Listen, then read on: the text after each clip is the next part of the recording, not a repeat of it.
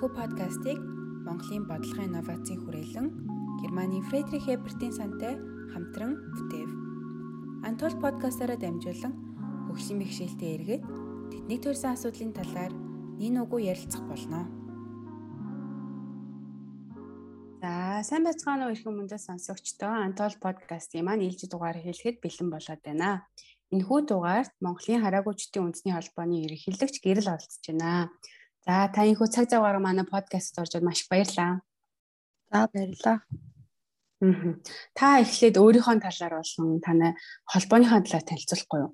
Тийм манай хараагүйчдийн үндэсний холбоо бүр 1978 онд байгуулагдчихсэн. Ер нь Монголд анх байгуулагдсан ууган байгууллагуудын нэг гэж хэлж болно. Тэгээд сая бид нар чинь 2018 онд 40 40 жилийн хойд хийсэн. Тэгээд нөгөө хөгжлийн бэрхшээлтэй гэж ярихаар нэг зүйлийг боддог. Одоо хөгжлийн мэрэгшээлтэй хүнд ээлтэй, хүртээмжтэй үг гэл те орчныг бүрдүүлнэ, эрхээ тэгшилэх боломжийг олгоно гэл ярьдаг. Тэгэхээр яг тийм одоо хүртээмжтэй тэгш боломж олгосон орчин бүрдүүлэх гэвэл энэ юм хөгжлийн бэрхшээл гэсэн одоо тэр ангиллалд хамрагдаад байгаа. Тэдгээр хүмүүсийнхаа одоо өөр хоорондын ялгаатай хэрэгцээг таньж мэдэх хэрэгтэй гэж боддог. Тэгэхээр яхаарахгүй Жишээлх юм бол хараагүй харааны бэрхшээлтэй хүний хувьд нийгэмд оролцоход одоо орчин хүртээмжтэй байхын тулд бид нэр өөр юм ярьдаг. А гэтэл сонсголын бэрхшээлтэй хүнд бол өөр одоо тохируулга нөхцөл хэрэгтэй ч гэдэг юм уу. Тийм байгаа болохоор хөгжлийн бэрхшээлтэй хүн дээлтэй хүртээмжтэй нийгмийг бий болгох гэх юм бол яг энэ дотор нь байгаа тэр өөр хоорондоо ялгаатай иргэдийнхаа яг тус бүрийн онцлогийг маш сайн анхаарч мэддэг байх хэрэгтэй гэж боддог. Тэгэхээр яа харахгүй ингэ шилхэн бол харааны бэрхшээлтэй иргэд бидний нуг хэлэхэд бусад хөгжлийн бэрхшээлтэй би хувьдаа бол сонсголын бэрхшээлтэй хүмүүсийг мэдэн мэдээж ярих. Гэхдээ яг ямар ямар асуудлууд ихэвчлэн тулгамддаг вэ? Яаж тэдгэрийг шийддэг гэх юм бол би сайн мэдэхгүй. Тийм байгаа болохоор яг ингээд нөгөө хөгжлийн бэрхшээлтэй иргэд төрөл төрлөөрөө одоо хэлбрээрээ ингээд үйл ажиллагааг яг чиглүүлж явдаг, үйл ажиллагаа явуулдаг. Тэр нь ч бол зөв ясны зүйл. Яг үүний адилаар харагчдын үндэсний холбоо зөвхөн одоо харааны бэрхшээлтэй тэр иргэдийнхэн эрхийг хамгаалах нийгмийн харилцаанд бусдын адил оролцоход нь ямар дэмжлэг орчин бий болох ёстой бэ гэдэг дээр илүү анхаарч хөгжлөн дэмжлэг үзүүлж явдаг. Тэгээд манай албаа ч одоо өнөөдөр дэрэгдээ ол яг нөгөө хүн яг л хараагүй тойрсон асуудлуудыг одоо шийдэхэд чиглэдэг болохоор манай холбооны бүтцэд өнөөдөр хараг хүмүүс зориулсан барайл болон ярддаг ном, дээзи ном хэвлдэг төв. За харааны бэрхшээлтэй хүүхдийн сургуулийн өмнөх боловсрол олгодог цэцэрлэг, насан туршидтад мэрэгжлийн боловсрол олгодог сургалтын төв. За тэгээд дээрэс нь хараагүй хүмүүс нөгөө эсүүдэд зөвхөд гарсан барилзлын чиглэлээр төгссөн хүмүүсийг ажлын байртай болгохын зориулсан анхны нэг 3 дугаар төвч гэдэг юм уу. За бас сүүл байгуулагдсан кофе шоп гэж байдаг гэдэг юм уу те. Ингээд а одоо FM радио станц манад байдаг жишээлх юм бол Хотмайдрыг энэ бол яг л бас нэг хараа нүгийн бэрхшээлтэй хүмүүстэй нэг мэдээлэл авах боломжийн хязгаарлагдмал байдаг болохоор яг тэр чиглэлийнх нь одоо алдагдсан боломжийг нь арай жоохон нэмэгдүүлэх гэдэг юм уу те. Тэгэхээр манай FM бол уран зохиолын цагтаа ч гэдэг юм уу мэдээ мэдээллийн цаг төлхөө байдаг гэдэг юм уу.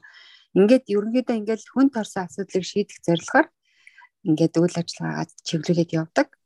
За тэгээ энэ хүрээнд яг бүтцийн байгууллагууд нь бол ийм аа. Үүнийхээ зэрэгцээ бид нар одоо яг хараарны бэрхшээл дэргэдийн хөдөлмөр эрхлэлтийг нэмэгдүүлэх боловсрал боловсрал дотроо дээд боловсралд суралцахад ихтэй сургууль суралцахад ямар асуудал байна? А ерөнхий боловсролын сургууль суралцахад боломж нь байна уу? Тусгай сургууль тэгвэл ердийн сургууль сурахад ямар асуудал байдгийм бэ? За хүртээмж нөгөө замаар явах одоо тэ бие дагаад нөгөө цагаан тагаа бариад явхад аюулгүй орчин бүрдэж чадчихв. Цаана таяга одоо зөв авч явах сурах тэр сургалтын систем за гэрлэн тохио зам маань тээврийн хэрэгслийн хүртээмж барилга байгууламжийн хүртээмж за тэгээд бас мэдээллийн хүртээмж нэг мэдээллийг авахд гэл ерөөсөө хүн таарсан ямар асуудал энэ тэр бүх асуудал дээр анхаарал хандуулаад хийгээд ингээд ажиллаад явж байгаа байгууллага байдаг. Тэгээ өнөөдөр манай холбоо чинь 9000 орчим гишүүдтэй ерөнхийдөө нэг ууган байгууллага гэдэг үдгэрэж гэдэг юм уу.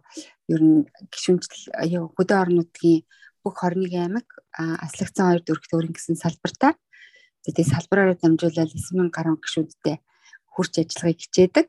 За тэгээ манай хөдөд байдаг салбарууд бол эсвэл зарим дэрэгтэй FM-тэй мэдээллийн танхимтаа, массажийн төвтөөч гэдэг юм уу те хотод хийж байгаа үйл ажиллагааг хөдөө орон нутгийн гарааны бэрхшээлтэй иргэдэд хөргөхөд чиглэдэг. Дээрээс нь мэдээж хэрэг гол юм нь одоо нөгөө нөлөөлөл эрхийн зөрчигдөхөөс урьдчилан сэргийлэх зөрчигдсөн тохиолдолд ямар арга хэмжээ авах уу шийдвэр гаргах төвшөнд ямар нөлөөллийг үзүүлж энэ хүмүүст хэрэгтэй бодлого шийдвэр гаргах вэ гэдэг дээр илүү төлхөө ингэж ажиллаж идэг. Өнөөдөр манай холбоонд бол ерөнхийдөө 86 яг өөр гэсэн ажилчдтай тэгэл үйл ажиллагаа явуулж байгаа юм байгууллага байна да. За тэг би холбоонд бол 2006 онд гараа хүчтэйхэн үндэсний холбоонд орж исэн ажилд орж исэн. За тэгээ өөрөө бол би тухайн үед бол гүйцэх цагтлаар нь ажилд ороод за тэгээд манай холбоо чинь 4 жил тутамд нөгөө их хурлаа хийдэг. Хөдөө орон нутгийн төлөөлөл за тэгээ хотын төлөөлөл оруулаад тэгээд 13 оны их хурлаар холбооны ерөнхийлөгч тэгээ 17 оны их хурлаар нэг удаа ажлын сонгогдоод тэгээ холбоогоо тэргүүлээд ажиллаж байгаа. Тэгээд манайх чинь 15 өдөр зөвлөн гişүүдтэй. За тэгээд их өнөр ололлол хамт олон л да. Тэгэл босод албад нэгжүүдийнхэн удирдлагуудтай, удирд зөвлөлийнхэнтэйгээ ажилтан гişүүдтэйгээ тэгэл хамтдаа Монгол улсад харааны бэрхшээл дээр гэдэг хүртээмжтэй ээлтэй орчин бүрдүүлэхийн төлөөл зорж байгаа юм хүмүүс байна. Ийхүү та ингээд холбооныхоо үйл ажиллагаа ингээд өргөжлүүлээд явж байхад ерөнхийдөө ямар нийтлэг одоо тийм саад бэрхшээлүүд тулгарч идэг вэ?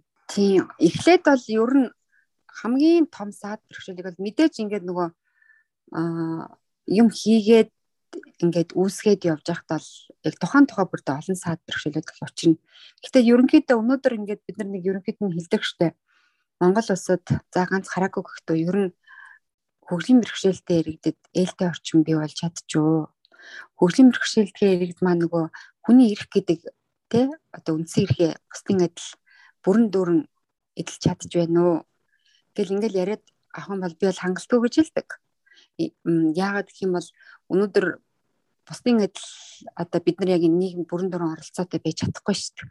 Яг ингээл одоо сургууль сурыг гэдэг Одоо өнөөдөр ингээл нөгөө тоо баримтаас харах юм бол 1200-аад харааны бэрхшээлтэй хүүхэд байна гэсэн тоог өгдөг. За тэгээд энэ 1200-аад 0-аас 17 насны хүүхдэд гэж байгаа. Тэгээд эдгээрийн хэдэн хувь өнөөдөр боловсролд хамрагдаж байна гэдээ аваад үзсэн бол 200 хүрэхгүй хөлтөл өнөөдөр цэцэрлэг тэгээ сургуульд явж шít. Ихэнх нь нөгөө хараг хүүхдийн тусгай сургууль 116-д явж байна. Цөөн тооны хүүхдүүд бол тэгтээ яг бүрэн хараг үн биш ер нь цөөн тооны суул хараатай хүүхдүүд нь бол ердийн сургуульд явж байна. Тэгт маш цөөхөн. За тэгээ босод хүүхдүүд нь ингээл сургуульд сурья. Одоо нөгөө хуулиндаа заасан би одоо хамрын хамрагдж байгаа тойргийнхаа сургуульд орё гэтэл өнөөдөр тэр сургуульд орох боломж нь байхгүй шүү дээ. Олон хараагүй хүүхэд нөгөө хүртээмжтэй сургалтын орчин бүрдэг үгс гэртээ байна. Ажил хөдөлмөр эрхлүүлээд бид нар чинь дуртай ажилдаа орчих гэхэд бас хязгаарлагдмал. Гэтэл бидний бас хийж чаддаг тохирсон ажлууд бол маш их байдаг. Гэтэл бас л нөгөө орчин бүрдэг үгс одоо өнөөдөр хөдөлмөрийн насны 7000 гаруй харааны бэрхшээлтэй иргэдээ дөнгөж нэг 5 гаруй хувинд л хөдөлмөр эрхэлж байгаа. Одоо ихэнх нь бол энэ бариад цэцлийн чиглэлээр манай харагуучдын үйлдвэрт за харагуучдын үндэсний холбоонд тэгэхээр одоо 50 хүн ажиллаж байгаа шээ те. Ингээд хөдөлмөр эрхлэлд боловсролтой бусад нөгөө хүний үндсэн эрхүүдээ бусдын адил эдлэя одоо хэрэгжүүлэх гэхээр нөгөө айгүй саад орчин бүрдээгөө. А тэгээд энийг мэдээж хэрэг олон асуудлыг бид нэр хэлж болно шүү дээ тий. Гэхдээ хамгийн гол үндсэн саад нь юу гэдгийг бид нэр юу гэж дөнгөж үзэж байна вэ гэхээр өнөөдрийн өндөрлөхөөс хүмүүсийн одоо нөгөө тухайн асуудлын талаарх нөгөө мэдлэг ойлголт хангалтгүй байгаа байдал гэж ерөнхий бид бид нар дүгнээд байгаа юм. Ер нь ингээд бид нар ингээд олон улсын түвшинд бусад улс орнуудтай одоо ижил төстэй үйл ажиллагаа явуулдаг байгууллагуудтай хамтардаг. Монголдо ч гэсэн бусад хөгжлийн бэрхшээлтэй иргэдийн байгууллагуудтай хамтардаг. За тэгээд мэдээж тус бүрд нь ингээл нэг асуудлууд бол байгаа. А тэгээд гол бэрхшээл нь бол нөгөө хүн мэдхгүй юмдаа жоохон хайхарамжгүй ханддаг. Скол мэдхгүй болохоор ингээд юу гэдгийг тэр хүмүүсийн асуудлыг ингээд яг өөрийнхөө үйл ажиллагаан дээр бүрэн тусгадгүй ч гэдэг юм уу. Тэр нь гол бэрхшээл гэж боддог. А монголчуудын хувьд бол мэдээд ирэх юм бол өө ингэдэг байсан юм уу тэгвэл ингэчий гэдэг дээр бас арай гайгүй гэж хэлж болно. Зүгээр бид нар ингээд нөгөө бусад улс орнуудын ингээ байгууллагуудаа хамтарч яхад одоо нэг ялгуурлан гадархалт гэж нэг ярьдаг штеп одоо хөгжлийн хүний хөгжлийн бэрхшээлийнх нь үндсэн дээр ялгуурлах, арьс өнгөөр нь ялгуурлах, гендерээр нь ялгуурлах гэл ялгуурлан гадуурлах олон хэлбэрүүд байдаг. Тэгээд анх бид нар ингээд хөгжлийн бэрхшээлтэй хүнийг ялгуурлан гадуурх гэд зүгээр энэ нэр томьёо ингээд нөгөө Монголд орж ирээд мэдээж хэрэг гол үндсэл нь бол нөгөө 2006 онд нэгдсэн үндэсний байгууллагаас хөгжлийн бэрхшээлтэй хүний эрхийн тухай конвенц баталсан. За тэгээд Монгол улс бол 2009 онд нэгдэж орсон. Тэр конвенц дээр байдаг нэг гол үзэл санаа нь бол хүнийг одоо хөгжлийн бэрхшээлх үндсэн дээрээс нь ялгуурлаж болохгүй. Одоо бусад тэр хүний үндсэн эрх хэрэгжүүлээгөө бусдын адил эдлэх боломжийг олгоно гэж заацсан. Тэгээд ерөнхийдөө ингээд нөгөө яг хөгжлийн бэрхшээлх үндснээс ялгуурлан гадуурхан гэж юу юм бэ гэдгээ нарийн сайн ингээд ухаж яг конвенцийн одоо үзэл санааны зарчимд нийлүүлээд тайлбарлахгүй болол зүгээр ялгуурлан гадуурхан гэхээр монголчууд анх тэгж ярьж ирсэн. Бид нар чи хөгжлийн бэрхшээлтэй үнийг ялгуурлан гадуурхна гэж байх вэ? Харин ч одоо ингэ ядарсан зүдэрснийгээ бид нар чи наашаал гэдэг те болж игэл дэмжчихэл гэдэг штэ гэд. Ерөнхийдөө бол тийм гэр дотор ч гэсэн ер нь монголчуудын нэг тийм харагддаг гэж боддог л да. Одоо хамгийн ядарсныгаа л гэлтэгдэг штэ ер нь бол хамгийн одоо одоо гэр дотор ингээл тав хөвгт одоо би бол өөрөө таван дүүтэй. Тэгэл ингээл байлаа гэхдээ чинь бүхний анхаарал бол бүх дүүнэр одоо гэр бүл дотор би нэгдүгээрт нь эхлээл миний асуудлыг ярина, миний асуудлыг зохицуулахын тулд за чи яах вэ хөө гэдгээ ярина. Одоо шилэх юм бол намайг л ингээл ая тухта өөрсдийнхөө хэмжээнд байлгах гал ингээл бүх зүйлийг надад зориулдаг гэх жишээтэй. Ер нь иймэрхүү юм бол бүлүүдэд мэдээж хэрэг их төгөмөл байдаг. Яг энэ зарчмаар ч гэсэн ер нь хүмүүс жоохон тиймэрхүү хүмүүсээ харахаар дэмжчих юмсан, аль болох тусалчих юмсан гэсэн бодолтой байдаг. Гэхдээ яг нөгөө нэг зөв эргэц суурьсаа хандлахаар гол нь нөгөө дэмжлэг нь явдаг байхгүй юу? Хөөхий чаваас те иш чаваас зайлуул за тэгээд нөгөө нэг одоо юу гэдгийг зүгээр нэг санхүүгийн талаар нь ч юм уу тэр талаар нь дэмжих гээд ахаас ш ерөнхийдөө нөгөө сурахт нь ажиллахт нь энэ хүн нийгэмд орохт нь гэдэг талын нөгөө ойлголт нь байдаггүй болохоор яг тэр талынхаа дэмжлэгийг бүрэн үзүүлж чаддгүй байсан. Би гэхдээ ингээ анхаараагүй болчоод оюутан багт би арга болсон л да. Тэг гэртээ сууж ахт би өөрөө хараагүй яаж сурдгийг, яаж ажилдгийг, гадуур явахдаа яаж явдгийг одоо хараагүй нь ямар ном уншдаг гэсэн ямар ч мэдээлэлгүй ойлголтгүй байсан. Манай гэр бүлийнхэн ч гэсэн тийм ойлголт байхгүй. Тийм болохоор одоо надад яг тэр нөгөө хөгжил талын дэмжлэг гэхээсээ илүү зүгээр л намайг гэр дотор минь ая тухта тогтоо юугаарч дутаахгүй байлгах нөгөө бөөцөлөхтэй тэр хандлага руугаа илүү ингээд яваад өгччихсэн. Аа тэгээд дараа нь ингээд бүх зүйлээ мэдээд ирэхээр өө тий сургая өө ажил хийлгээ өө тийм дэлгэцэн шиг програмтай компьютер зүгэл тэрийг аваад өө номтой болгоё гэж тий. Тэр талаас нь ингээд дэмжлэх ойлголт авсны дараа тэр талын дэмжлэгүүд маань ингээд хийгдэж эхэлж байгаа байхгүй тэгэхээр гол бэрхшээл маань бидний онцлог хэрэгцээ яавал энэ хүмүүст хүртээмжтэй орчин бий болох вэ? Яавал энэ хүмүүс бусдын ажилд амьдрах тэр боломжийг бий болох вэ гэдэг ойлголт маань одоо альж төвшөнд гэж би ярих одоо бид нар ярьдаг л да одоо нийгэмд маань ерөнхийн төлөв ойлголт хангалтгүй за тэгээд нөгөө хууль тогтоомжийг хэрэгжүүлээд сууж байгаа хүмүүс маань хангалтгүй шийдвэр гаргаж байгаа хүмүүсийн маань төвшөнд хангалтгүй байгаа болохоор бидний асуудал ингээд жоохон орхигдох тал илүү байдгийн байна гэж зүгээр сүүлийн үед ажиглах болсон. Тийм болохоор хамгийн гол зүйл нь бол ойлголтыг нэмэгдүүлэх гэдэг асуудал маш чухал. За мэдээж хэрэг хоёрдугаар гол бэрхшээл нь бол ойлгоод байгаа мөрөөсөө бас нэг сэтгэлгүй гэдэг юм уу нөгөө хүсэл зориг байхгүй. Энэ хүмүүсийг дэмжчихье гэдгийг ойлгохгүй ирэх гэдэг үднээс нь харахгүй. За баг нөгөө тиймэрхүү юмнууд гарч ирсэн шүү дээ за ингээд хараагүй хүмүүс ажил мэл гэж юу гэдэг юм бэ? Тэгэл гэртэл байж байхгүй юу? Гэж хэлдэг хүмүүс байдгийг та нар одоо энд юу хийж байгаа юм бэ гэдэг юм уу те? Баг л ингээд гэртээ ингээд амар тав ингээд байжсэн дээр шүү дээ таяга барайл гадар ингээд одоо эвлэлтэй нөхцөл явж байхаар гэдэг ч юм уу. Тэгэхээр нөгөө нэг одоо дэмжих хүсэл сонирхолгүй тиймэрхүү одоо хүмүүс бол сүргэж байгаа хандлагатай хүмүүс бол нэг нэг хэлэхэд бол байдаг. Тэгэхээр гол бэрхшээлүүд нь бол энэ хоёрт ойлголтгүй ойлголттой байгаа ч гэсэн дэмжчихий гэсэн эрхийн үднээс асуудлыг ойлгодог хүмүүс хамгийн гол бэрхшээл ингэж боддог. Яагаад гэж байгааг мэдээд байгаа мөрөөсөө төсөв зохиохдоо бидний асуудлыг суулгадаг. Мэдээд байгаа мөртлөөсөө одоо юу гэдгийг ажлын байрыг энэ хүмүүс зориулаад хүртээмжтэй болгоё гэдэг дээр одоо үйл ажиллагаа хийдгүү. Энэ хүмүүсийг бол яг харахгүй сөрөг хандлагатай хүмүүс гэж бодож байгаа байхгүй. Тэгэхээр хамгийн гол бэрхшээлүүд нь бол одоо эдгээр гэж ер нь ойлгодог. Тэрнээс тус тустай ингээл яриад явах юм бол одоо сургууль сурахад яага болохгүй байх юм бол ном дэвтэр нь байхгүй байх, багш нь ойлголт байхгүй байх, нөгөө туслах багш нь байхгүй байх гэл те ээж аав мэдэхгүй нэгэл жижиг жижиг одоо асуудал дотор нь байгаа бэрхшээлийг бол ярьж болно. Гэхдээ том хоёрыг нь бол бид нар тэгж хардаг. Тэгвэл энэ том хоёр асуудлыг одоо ер нь шийдэхин тулд ер нь яаж энэ хоёрыг шийдэх ёстой вэ? Гарц гаргалгаа ер нь таны бодлоор юу вэ? Гарц гаргалгаа жишээлх юм бол би танаа ингээд подкастт оролцоод ингээд яриад явж гин те. Энэ бол жишээлх юм бол нэг хэлбэр нь а тэгээд бид нар бас нэг олон улсын ингээ хурал сууж байхад анх манай бид нөгөө дайны харагуучтай холбоотой нэлээд хамтардаг. Тэгээд тэр байгууллагатай ярьж байхад ингээд нэг нөлөөлөл хий а ийм хөгжлийн бэрхшээлтэй хүмүүс нийгмийн дунд байдаг юм а та нартай адилхан эрхтэй юм а гэдгийг байнга энэ хүмүүст хэлж вэ ойлгуулж вэ а гэж хэлжсэн. Тэгээд хамгийн одоо наад жишээ нь хараг хүмүүс тайга бариад та нар өөрсдөө нийгэмд оролцоод яв, гудамжаар яв, хүмүүсийн нүдэнд харагд. Энд энд сур, ажил. Яг та нар өөрсдөө ингээд яриад асуудал яриад а та нар өөрсдөө хүмүүсийн дунд ороод эхлэх юм бол хүмүүс та нарын тухай ярьдаг болно.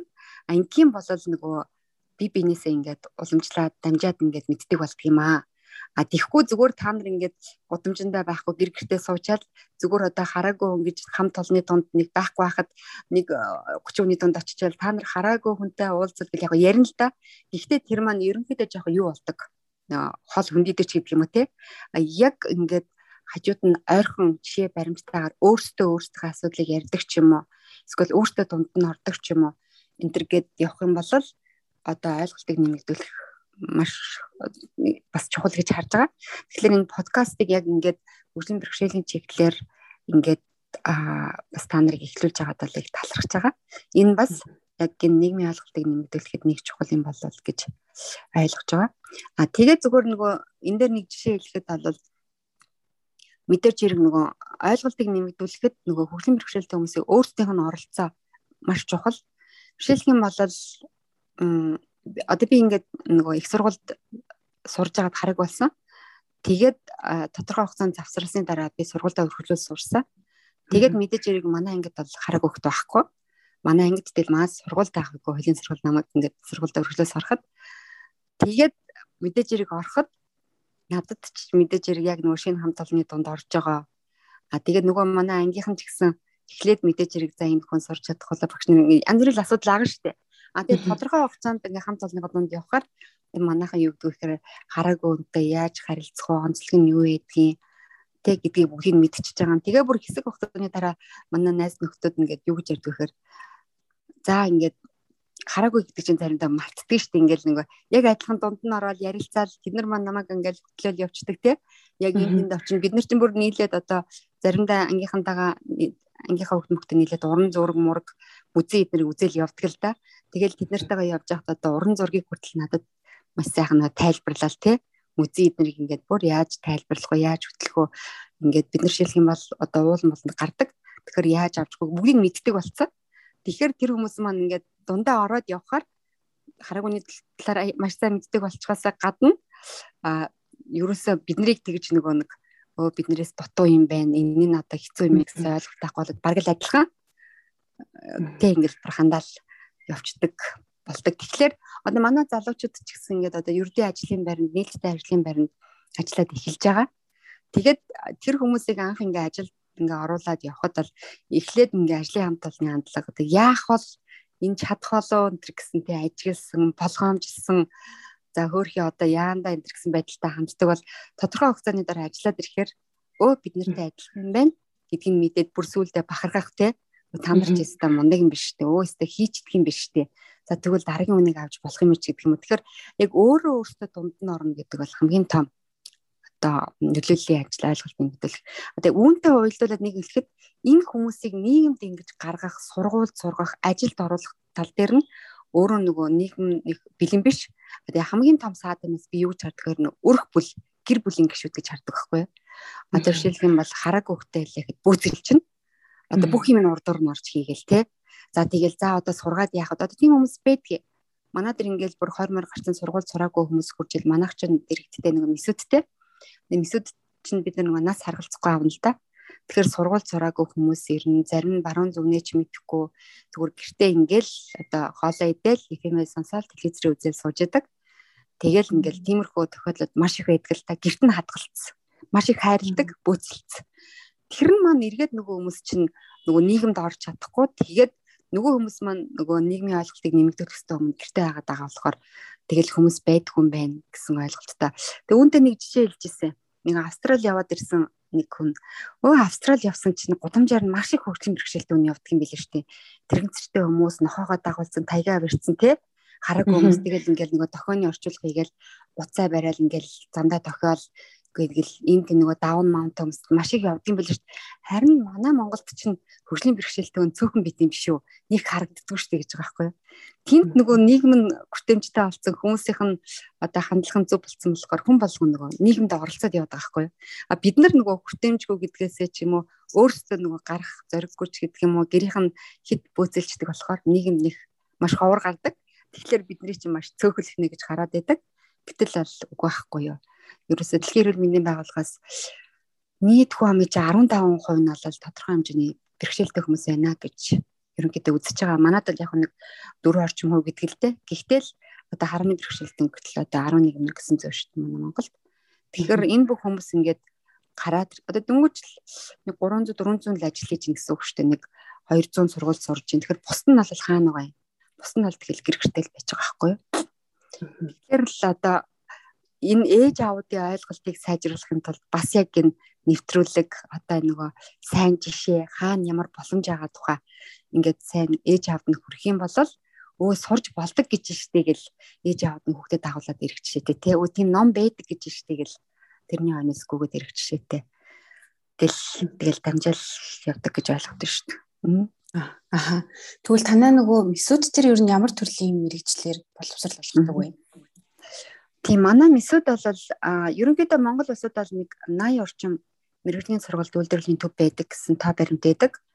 Тэгээ яагаад бид нар месүүдийг байгуулахар болсон бэ гэхлээр мэдээж хэрэглэн дэлхийн нийтийн чих хандлага өөрөө ингээд тусгаарлах одоо тусгай месүүд тусгай сургууль те энэ төр гэдгийг бол дэмждэггүй. А гэтэл Монголын нөхцөл маань юу байсан бэ гэхээр эдгээр месүүдэд одоо харааны бэрхшээлтэй хүмүүс одоо мэрэгжлийн боловсрол олгох нэгдүгээр орчин байгаагүй хоёрдугаар энэ хүмүүст бас нэг одоо мэрэгжил мэрэгжлийн дундаас нэг бас нөгөө онцлог чадвар чадамд нь нийцсэн нэг мэрэгжил гэж байгаа ч тийм яг тэрийн ихний ээлж нөгөө бий болгож дэмжиж ажлын байртаа бий болгоход нь дэмжих шаардлага байдаг. Гэтэл яг бусад ердийн нисүүдэд одоо яг хараагүй хүмүүс сураад амжилтаа сурчгаар тийм одоо анги мэрэгжлийн чиглэл байгаагүй. Тийм байгаа болохоор манай холбоо 2015 онд мэрэгжлийн боловсролын сургуулийн төв байгуулжсэн. Тэгээ өнөөдөр төвд маань хараг өмс зориулаад барай засал мэрэгжил олгодог. Тэгээ барай заслаа дотор нь хоёр авч үздэг. Нэгдүгээрт нь эмчилгээний барай заслын үйлчлэгээ үзүүлэх барай засалж алжил тайлах гээд эмчилгээ гэдэг нь бол яг одоо эмчийн удирдлагын доор хүмүүс одоо цэг сүг суг дээр нь одоо барай заслын үйлчлэгээ их эмчлэг чиглэлээр илүү одоо мэрэгсэн хүмүүс гэж ойлгож байна. Одоо эмнэлэг эрүүл мэндийн цэвэрлийн газар дээр эмчийн удирдлагын дээр ажиллах боломжтой хүмүүсийг бэлдэж байгаа гэсэн үг. А нөгөө ажил тайлх гэдэг нь бол одоо гадуур байгаа нөгөө төвүүдэд хөвчлэн байдаг. Одоо янз бүрийн зангирсан булчин сөрмөс тийм ээ. Эдрийг нь бол одоо тайвшруулж ажилын тайлдаг юм чиглэлээр. За гурав дахь чиглэл нь бол хүртээмж технологийн мэрэгжилтэн бэлтгэдэг ангитай. За хүртээмж технологийн мэрэгжил гэхээр Өнөөдөр маш олон зүйл нөгөө мэдээллийн технологи дээр үндэслээд явагдаж идэг. За нэгдүгээр тэр нь хоёрдугаар хараг хүмүүс өөрсдөө нийгмийн харилцаанд ингээ бүрэн дүр орохын тулд бид нар маш их туслах хэрэгсэл технологи ашигладаг. Өөрөөр хэлэх юм бол миний компьютер дэлгэц үнсэгч програмтай одоо миний нөгөө гар утас iPhone хэрэгэлдэг. Энэ бол дэлгэц үнсэгч програмтай ч гэдэг юм уу. Би Daisy тоглодог хэрэгэлдэг. Энэ бол ном уншдаг, бичлэг хийдэг, энэ төхөөрөмж гэсэн бүх функц бүх одоо ямар л товч дарна тэрийг ярьж өгдөг. Одоо ном уншлаа гэхэд ярьдаг ном унших юм бол одоо хэдэн минутын бичлэг байна. Тэр хаана зогссон байна. Тэр газараасаа үргэлжлүүлдэг ном уншингаа одоо хэрэгтэй зүйлэн дээр нь тэмдэглэл хийдэг ч гэдэг юм уу. Яг хараг хүмүүс зориулаад бүтээсэн.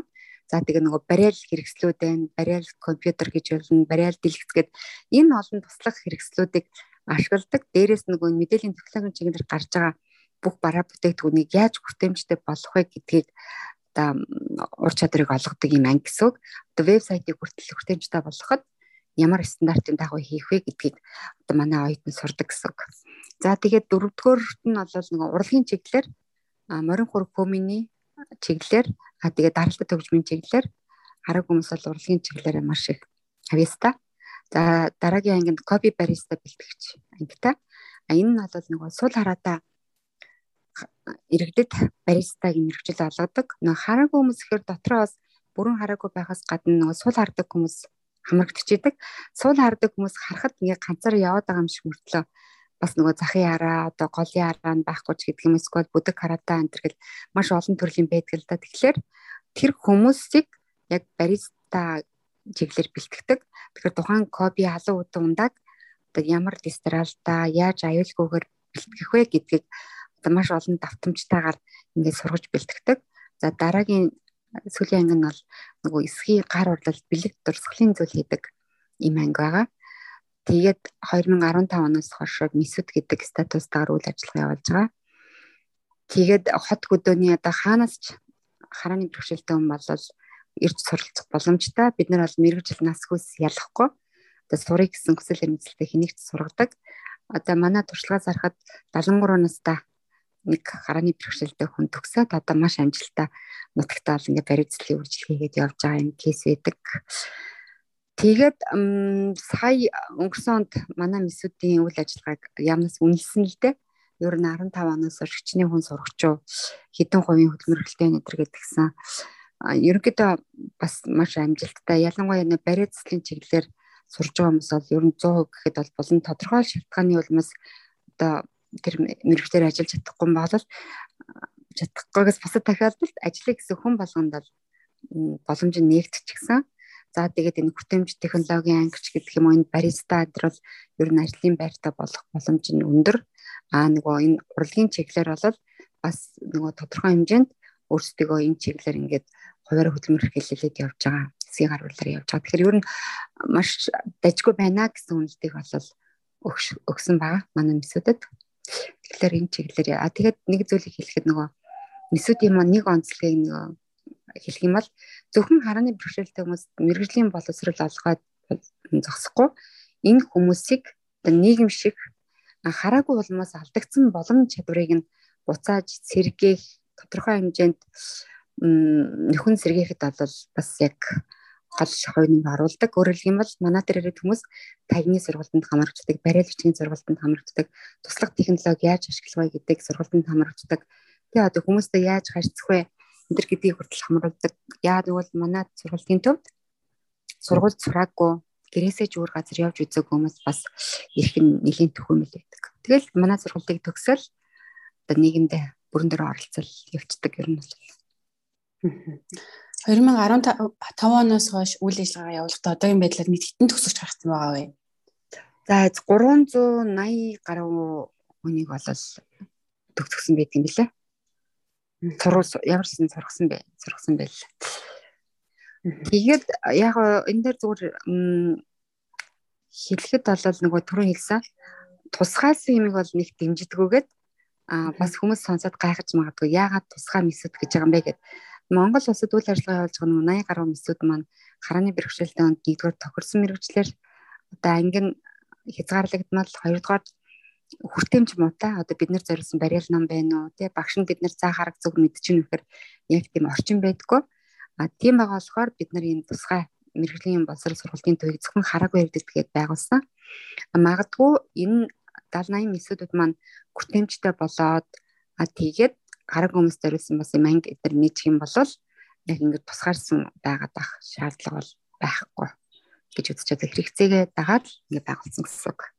Ерөнхийдөө танаа одоо нөгөө холбооны үйл ажиллагаа маш олон чиглэлд үйл ажиллагаа явуулдаг явуулдаг гэж та ярьж байна. Тэгээд энэхүү одоо ингээд үйл ажиллагаа явуулахад одоо санхүүжилтээ ерөнхийдөө та танаас босгодог вэ? Санхүүгийн хүндрэл хэрэг учирдаг вэ? Аа тийм мэдээж хэрэг санхүү бол маш чухал. Төрийн бас байгууллага болохоор аа нэгдүгürt яг тийм тогтмол орлого одоо төсөв суулгаал гэсэн байдаггүй. Яг нөгөө бизнесийн чиглэлийн биш болохоор бас тогтмол орлого бол байхгүй. Гэхдээ манай нөгөө дэргэд best massage 1 3 гэсэн хоёр төв ажилдаг. А хоёр төв маань нийлээд 30-аад ажилчтай 20-д нь бол яг бариацлч нар байдаг. За анхын төвүүдийг 2007 онд байгуулж ирсэн. Гэхдээ зүгээр нөгөө месүүд маань 15 онд байгуулагдсан ч гэсэн суур нь бол бид нэр хараг хүмүүст месүүд биш зүгээр бариацлын сургалтыг бол бүр 5 оноос эхэлж исэн л анх нэг 6 онд сургалт эхлүүлжсэн Япончтой хамтраад тэгээд бид нэр сургалтаа амжилтад өргөсөн хүмүүст 2007 онд анхны массажийн төвийн холбооноос байгуулж исэн. За анх мэдээж байгуулахад монголчууд бол хараг хүмүүсээр бариацлын үйлчлэгээ одоо бариацл хийлгэнэ гэсэн ойлголт тун хомос одоо байгуулагдаад их алдагдaltaй байсан эхний 3 жилээр бид нар бол нөгөө бусад улс орны туршлагыг хараад энэ бол амжилтанд хүрнэ гэж итгэжсэн учраас алдагдлаа нөхөд аваад явж исэн. Тэгээд дараагийн хэдэн жил нэг баланслдаг болсон. Одоо бол төвд маань тодорхой хэмжээнд бас ашиг болоод холбоондоо дэмжинэ. За хоёрдугаар манайх FM-тэй FM маань ч гэсэн бас тодорхой зарим үйлчлэгээд нэг одоо дэмжлэг болгодог. За манай нөгөө дэргэд цэцэрлэг байдаг, месүүд байдаг гэсэн. За эднэр маань бол баг хэмжээгээр зарим зардлаа төрөөс авдаг. Төрийн заримчиг үргийг бид нар ч нөгөө гүйцэтгэж чинь гэж ойлгодог. Өөрөөр хэлбэл хараагүй мэрэгжлийн масрал олгож чинь гэдэг. Тэгэхээр хараагүй оюутнуудынхаа тоон дээр үндэслээд хувьсах зардал авдаг. А цэцэрлэг дээр ч гэсэн тэнд суралцж байгаа хүүхдүүдийн тоон дээр үндэслээд авдаг. Гэхдээ энэ бол хаанаач хүрэлцдэггүй. Энэ хоёр байгууллага одоо хувьсах зардал гэдэг маань өөрөө 2013 онд батлагдчихсэн жишээ хүний дагуу бол хувьсах зардлаа авдаг. За хаанаач хүрдэггүй. А тэгээ өнөөдөр 2021 он тий одоо энэ хооронд чинь нөгөө бараа бүтээгдэхүүний үн юу боллоо цалин хичнээн хөв нэмэгдлээ хөдөлмөр үйлсний доод хэмжээ одоо хэд болсон байгаа илээ гэд бодох юм бол яг тэр 13 оныхоо тэр жишг үнийг хөдлөхгүй байгаа л да. Тэгэхээр ер нь хаанаач хүрэхгүй а гэхдээ а бид нар бол мөнгө байхгүйгээ зогсох ирэхгүй а энэ бол яг тогтмол одоо орлогууд нь гэсэн үг. Үүн дээрээс нэмэгдээд бид нар мэдээж хэрэг нөгөө төсөл хөтөлбөр хандив тусламжн дээр нэлээд үндэслэж үйл ажиллагаагаа жишээлх юм бол явуулдаг. Одоо ингээд түрүү ярьсан чинь баристагийн ангитай гэл анх баристагийнхаа одоо ангийг нэхтэр шилэх юм бол Солонгосын хараагүчдийн Шиламгээ байгууллагатай хамтраал Кокигоос дэмжлэг аваад тэгэл яг анги танхим бүх зүйлээ ингээд багш эдрийгээ бэлтгээ сургаад баазаа бэлтчихсэн жишээтэй. Одоо цэцэрлэг гээл тэгт чинь цэцэрлэг байгуул гэж бол төсвөөс усаас дэмжихгүй шүү дээ. Бид нар өөрсдөө төслөө бичиж агаад тэгээд 50-аас бас ингээд сайн санаатай хүмүүсээс одоо нөгөө цэцэрлэг байгуулах үндсэн дэмжлэгийн минь өгөөд тэгээ бид нар төрийнх нь за харж байна месүд гээд ингээд ажиллаа болж чинь за ингээд цэцэрлэг байгуулад ингээд ажиллаад ингээд болж чинь те одоо тэгвэл та нар ингээд тусах зардлаа өгөөч гэдэг. Ерөнхийдөө бол Монголын нөхцөлд бол эхлээд хилээд бол ойлгохгүй. Нөгөө харуулж байгаа ч те тэгж байгаа энэ болж ин одоо та нар эхлэлийн тавьсан та нар одоо цаашаа аваад явхад гэл ингээд явдаг. Тэгэл санхүүжилтээ бол шийдэж байгаа. Ихэнх нь бол ерөнхийдөө төсөл хөтөлбөрөөр л явж байна да. Одоо ийхүү төсөл хөтөлбөрт ингээд одоо төсөл бичээд ингээд явуулахад мэдээж хүний нөөц шаардлагатай байна. Танай холбооны хувьд ер нь хүний нөөцөө яаж бэлдэж чинь тэгээд бусад бас одоо хөгжлийн мэгшээлт иргэдийн холбоодууд бас танахаас үлгэр дүрэл авбал танах бол яагаад бол маш олон чиглэлд үйл ажиллагаа явуулд юм байна. Тэгээ ерөөхдөө та ихэд энэ ноу хаваа бас хуваалцахгүй юу? Тийм ер нь манай хөгжлийн бэрхшээлтэй иргэдийн төлөө үйл ажиллагаа явуулдаг. За статистикоор бол 5 600 гэж ярьдгийн гэсэн зарим нь 300 гэлдэгний гэсэн. Гэтэ одоо янз бүрийн хурал цуглаан дээр ирсэн байгууллагуудын төлөөлөл гэлтгэр 80-аад байгууллагууд ирлээ л гэдэг. Гэтэ бидний мэдхээр бол нэг 20-с 30 яг нүдэнд харагдах хуцаар үйл ажиллагаа явуулдаг бол байгуулга байдаг гэж боддог. Яг нэг тогтмол гэсэн үг шүү дээ тий. Аа тэгээд тэд нар маань ч гэсэн яг л бидний жижигээр өөрсдөө үйл ажиллагааг төсөл хөтөлбөрөөр янз бүрийн их усруудаар санхүүжилдэг. А зөвхөн бидний хувьд бол мэдээж хэрэг төсөл бичнэ гэдэг бол амархан зүйл биш. Дотоодооч гадаадаач өгнө. За тэгээд нөгөө төсөл бичнэ гэдэг чинь өөрөө хөрөнгө босгох үйл ажиллагааны нэг хэлбэр шүү дээ. Тэгэхээр нөгөө ижил төстэй үйл ажиллагаа явуулдаг байгууллагуудтай хамтын ажиллагаагаа өргөжүүлнэ. Олон улсын арга хэмжээнд явж байхдаа бас нөгөө зөв хүмүүстэйгээ олж одоо юу гэдгийг хамтын ажиллагааг өрнүүлэх тий. За тэгээд хамтын ажиллагаа өрнүүлэхийн бас нэг нууцыг одоо амжилттай өрнөхийн нэг нууц нь юу вэ гэхээр бид нар бол нөгөө өөрсдөө бид нар одоо нэг удаад анхны удаа бага хэмжээний санхүүжилт авлаа гэхэд маш хариуцлагатай үнэн шудраг байх ёстой. А тэгээд яг нөгөө анхны хийсэн санхүүжилтээр бид нэг бодиттой ажил болгоцсон гэдгээ ингээд нөгөө доноруудтай нөгөө хүмүүстэй мэдгэтгэхээр хийсэн ажлын мань хараад урамшаад те ингээд өргөжлүүлээд дэмжиж явах нь олонтой байдаг. Тийм байгаа болохоор мэдээж хэрэг төсөл бичгээд тухайн тухай байгууллагаас гаргасан шалгуур шаардлагын дагуу төслөө бичнэ, монголоор бичнэ, англиар бичнэ. За тэгээд нөгөө хэрэгжүүлэх гэдэг бол маш чухал. А ерөнхийдөө манай холбоо бол өөрөө маш хатуу одоо хяналттай нэг гişүүдтэй үйлчлдэг болохоор тийм байгаа болохоор яг л одоо зориулт юм бол зориулалтаараа л зарцуулагдаад хамгийн гол нь нөгөө тухайн хэрэгцсэн төсөл хөтөлбөрүүдээс хараагүй хүмүүс өөр шимийг хүртэж тэдний амьдрал тэдний хөгжилд одоо тодорхой хувь нэмэр орсон байх хэрэгтэй байдаг. Тэгэхээр нөгөө донорууд ирэхэд яа харахгүй энэ месүүдэд ингээд сурж байна. Энэ хүүхэд цэцэрлэгт ингээд явж байна. Энэ ном хевлээд ингээд энд хүн уншиж байна те. Энэ дээд сургууль сурж байгаа хүнд энд компьютер ингээд зээлэр үйлчлэгээ үзүүлж ингээд ингээд ингээд хараад тэрний үр дүнд а одоо энэ хүүхэд ингээд ердийн сургуульд орчлоо. Энэ хүүхэд ингээд ажилтаа болчлаа гэхээр тэгээд нөгөө тэрэн дээрээ үндэслээд одоо хамтарж байгаа байгууллагууд маань нэг жил эхэлсэн бол ингээд өргөжлүүлээд явах нь их их нь байдаг. Тийм болохоор жишээлх юм бол одоо бид нөгөө дээд боловсролын төсөл хэрэгжүүлдэг 17 онд эхэлж исэн. Одоо бол бид нар нөгөө өргөжлөл явж байгаа. Ягаад гэвэл нөгөө үр дүн нь бол харагдаж байна. Тийм болохоор нөгөө донор нь ингээд бинжи явдаг ч гэдэг юм. Одоо жишээлбэл подиум гэл бид нар нэг байгууллагатай хамтрал хоёр удаа төсөл хэрэгжүүлсэн. Одоо бид нараас 3 дахь удаагийнхаа төслийг хэрэгжүүлээ гэж ярьж байгаа жишээтэй. Тэгэхээр хоёр асуудал яригд мэдээж хүний нөөц, хүний нөөц гэх юм бол яг энэ төсөл бичих хөрөнгө босгох энэ талаар жоохон мэдлэгтэй хүн байх хэрэгтэй. Бид нар бол ер нь манай холбооны нөгөө 86 талаа ажилчтай гэдгийн баг 63 харааны бэрхшээлтэй хүмүүс байгаа. Тэгээд мэдээж хэрэг бид нар чинь дан өөрсдөө бол ажиллахгүй а бид нарыг бол тусалж дэмждэг одоо бид нар хийж чадахгүй юмыг бас хийдэг барьдаг тийм нөгөө хараатай хамт олон ажилчид байдаг. Тэгэхээр тэр хүмүүстэй нөгөө төсөл бичих талаар цаг үргэлж одоо хөгжүүлэх эхлээд алдсан бол алдаан дээрээсээ суралцах тийм За тэгэл нэг нэг ер нь ингээд байгууллага авч явна гэдэг бол маш олон талын одоо цогц зөвлөл ажиллагаа амжилттай хэрэгцсэний үр дүн гэж боддог. Төсөл аавн тэрийг амжилттай хэрэгжүүлнэ нөгөө communication те тэр хүмүүстэй яаж хамтран ажиллах уу, яаж харилцах уу? За гэдэг чинь бас нэг дараагийн хүмүүс байх шаардлагатай. Одоо чадвар болол явцдаг ч гэдэг юм багаар ажиллах ч гэдэг юм уу те тэр хариуцлага мариуцлага гэл янз бүрийн юмнууд тэр чинь хамт олон л бас байна Тэгэхээр тэр эднийг бол бид нар ингээд ажилчдаа гişүүдтэй ерөнхийдөө сургалтуудыг бол нэлээд авахыг хичээдэг. За тэгээд ерөнхийдөө сүүлийн үед нөгөө хараг хүмүүс маань ч гэсэн ийшээ тийшээ сургуульд явах мэрэгжил эдгээр эзэмших боломжууд нэлээд гарцсан байгаа болохоор тэр хүмүүсээ буцаад хамт олонныхаа дунд авах.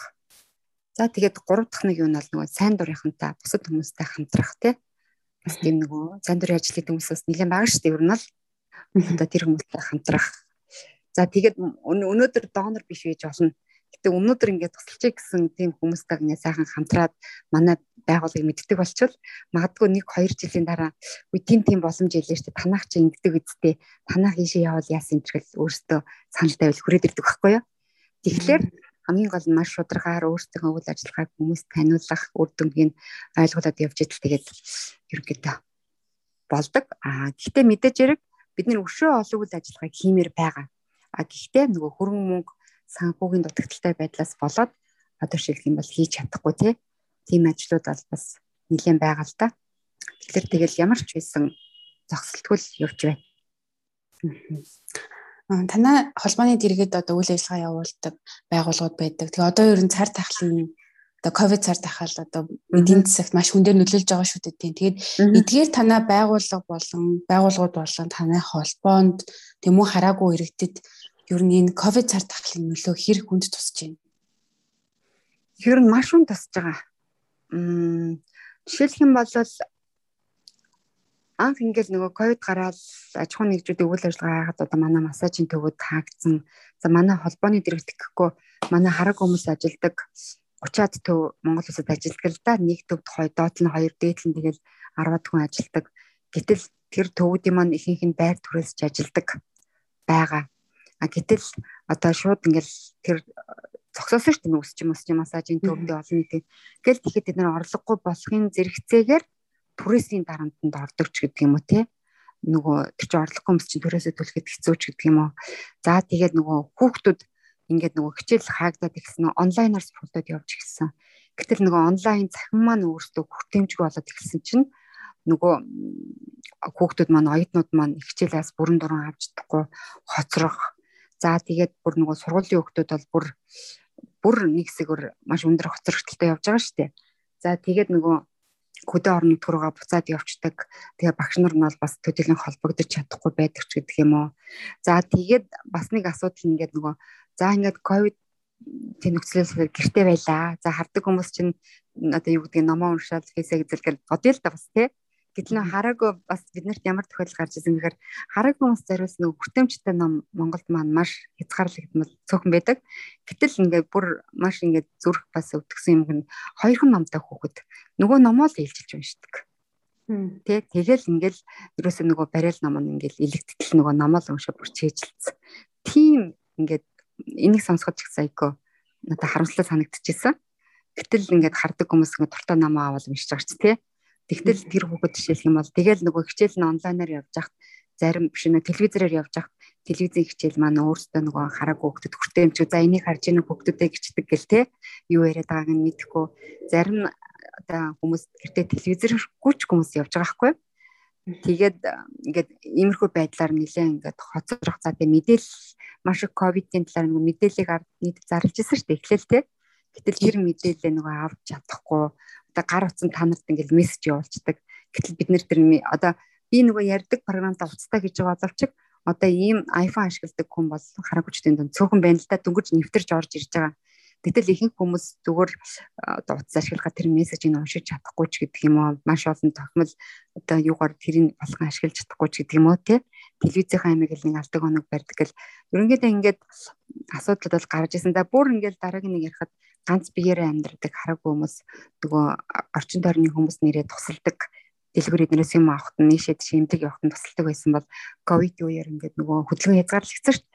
Тэгэхээр дэлгүүрлэгөө орж чадахгүй тохиолдлууд гардаг ч гэдэг юм уу эмнэлэг эрүүл мэндийн үйлчлэгийг авч чадахгүй байх хаашаа хандах нь ер нь ингээд яг бодоод үзэх юм бол маш их бэрхшээлүүд бол гарсан одоо ч гэсэн бүрэн шийдэгдэг байгаа шүү дээ тэд нар маань. А тэгээ зүгээр бусад улс орнуудыг харахад а ерөөсөө одоо ийм онцгой байдал гамшигт нөхцөл байдал үүссэн үед хөгжлийн бэрхшээлтэй иргэдийн асуудалд яаж хүний эрхэд суурилсан хамтран хариу хариу үйлчлэгээ үзүүлэх вэ гэдгийг бүр харуулсан тийм хөтөлбөртөө төлөвлөгөөтэй байгаа байхгүй юу? Оо за шууд нөгөө гэрээр одоо юм хүргье тий. За хөгжлийн бэрхшээл дэрэг янз бүрийн асуудал гарах юм бол ийм юм утас руу ингээд нөгөө тусгай дугааны утас руу хэлээрээ. За худны юм худалдаж авах юм бол гэрээр нь хүргээд өгчөө. За тэр хүмүүст нь шилжих юм бол нөгөө дуут мессежийг явуулчихъя. Шууд одоо янз бүрийн мэдээллүүдийг утасанд нөхөөс гадна нөгөө нэг бариалаар ч гэдэг юм уу ярьдгаар ч юм уу те хийгээд хүргээд өгчөө энэ төр гээд одоо сургуулийн нөгөө завсар хоцрохгүй байхын тулд одоо нөгөө видео хичээл хүргье одоо гэрээр нөгөө ганцаарчсан байдлаар явуулын сургалтыг хийя ч гэдэг юм уу те ингээд шийдсэн газрууд бол байгаа юм А тэгээд Монголд бол тэр маань арай л төлөвшөөгөл байна л да. Ярьж байна. Тэгэхээр энэ бол хой хүнд бол ингэж нөлөөсөн. Мэдээж байгуулгын хувьд бол массажийн төв маань зогссон, орлого маань багассан тий. За цэцэрлэг маань бол бас зогссон. Гэтэ зогссон ч гэсэн манай багш нар болон хүүхдүүдтэйгээ холбогдож бас уцаар ингээд ээж мэдсэн зөвлөгөө өгж исэн төрөөс үзүүлэх дэмжлэг болол зогсоогүй а мессүүдийг бол бид нэг онлайнаар сургалт явуулж исэн а зүгээр бидний хувьд гол асуудал маань юу байсан гэхээр нөгөө гişүүдтэй бид нар чинь маш их нөгөө бичлсэн сургалт үйл ажиллагаа цуглаан уулзлуудыг зохион байгуулдаг байсан одоо сар болгоны сүүлийн 7 хоногийн 5 дахь өдрийн 2 цагаас гээд бид нар манай гişүүд уулзаж бид нар нөгөө тухайн сарынхаа үйл ажиллагааг тайлгнадаг гэдэг ч юм уу тийм ингээл манай зөвлөлүүд ингээл уулздаг ер нь манай байраар ингээд маш олон хараг хүмүүс бочгинжидэг л та. Гэтэл тэр үйл ажиллагаа нөгөө хязгаарлагдсан. Тэгэхээр манай хараг хүмүүс ч нөгөө мэдээллийн бүр хомсдолд ороод уулзмаар ань би бинтайгаа ярмаар байдаг. Тэгсэн чинь тэр боломж нь байдгүй ч гэдэг юм уу те. Тиймэрхүү асуудлууд бол нилээ юу хаад гарч ирсэн. Бусдаар бол тэгэл бусдын гişгээр цахимаар гэрээсээ ажиллаад ээлжиж ажиллаад явж байна да. А ерөнхийдөө та сая боловсралгээ бас дунд нь цэцэрлэг сургуулгээ ярьсан. Тэгээд харааны бэрхшээлтэй иргэдэд одоо зориулсан ч юм уу цэцэрлэг эсвэл одоо энэ сургууль гэх юм ер нь улсын хэмжээнд Улаанбаатарт л байдаг штэ тий. Тэгээд энэ хангамж одоо ингээд энэ хүртээмжтэй бас байдлыг байдлаас болоод ингээ олон хүмүүс ингээд боловсрал хүртэх одоо эрхэн нас хязгаарлагдчихээн гэж.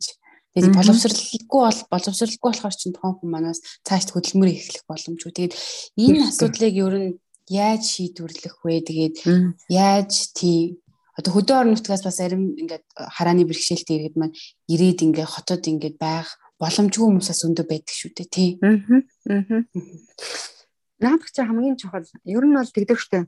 Боловсрлыг яг авах цагт нь эзэмшээгүй аваагүй бол буцаад хөдөлмөр эрхлэхийг ярихад бол нэлээд хэцүү. Тэ? Аа тэгэл ер нь боловсрлыг олохгүй байна гэдэг нь л нөгөө цаашаад нөгөө халамжийг л дулддаж амьдэрсэн хүмүүсийн тоо нэмэгдэн гэсэн үг штэ. Тийм болохоор боловсрал бол маш чухал Монгол улсад бол ганцхан тусгай сургууль байдаг хараг үхтэй. Тэгээ түрүүн би хэлсэн 1200 хүүхдээс нэг 200 орчим бол боловсрал хамрагдаж байна гэдэг маш олон хүүхд сургуулийн гадна байна.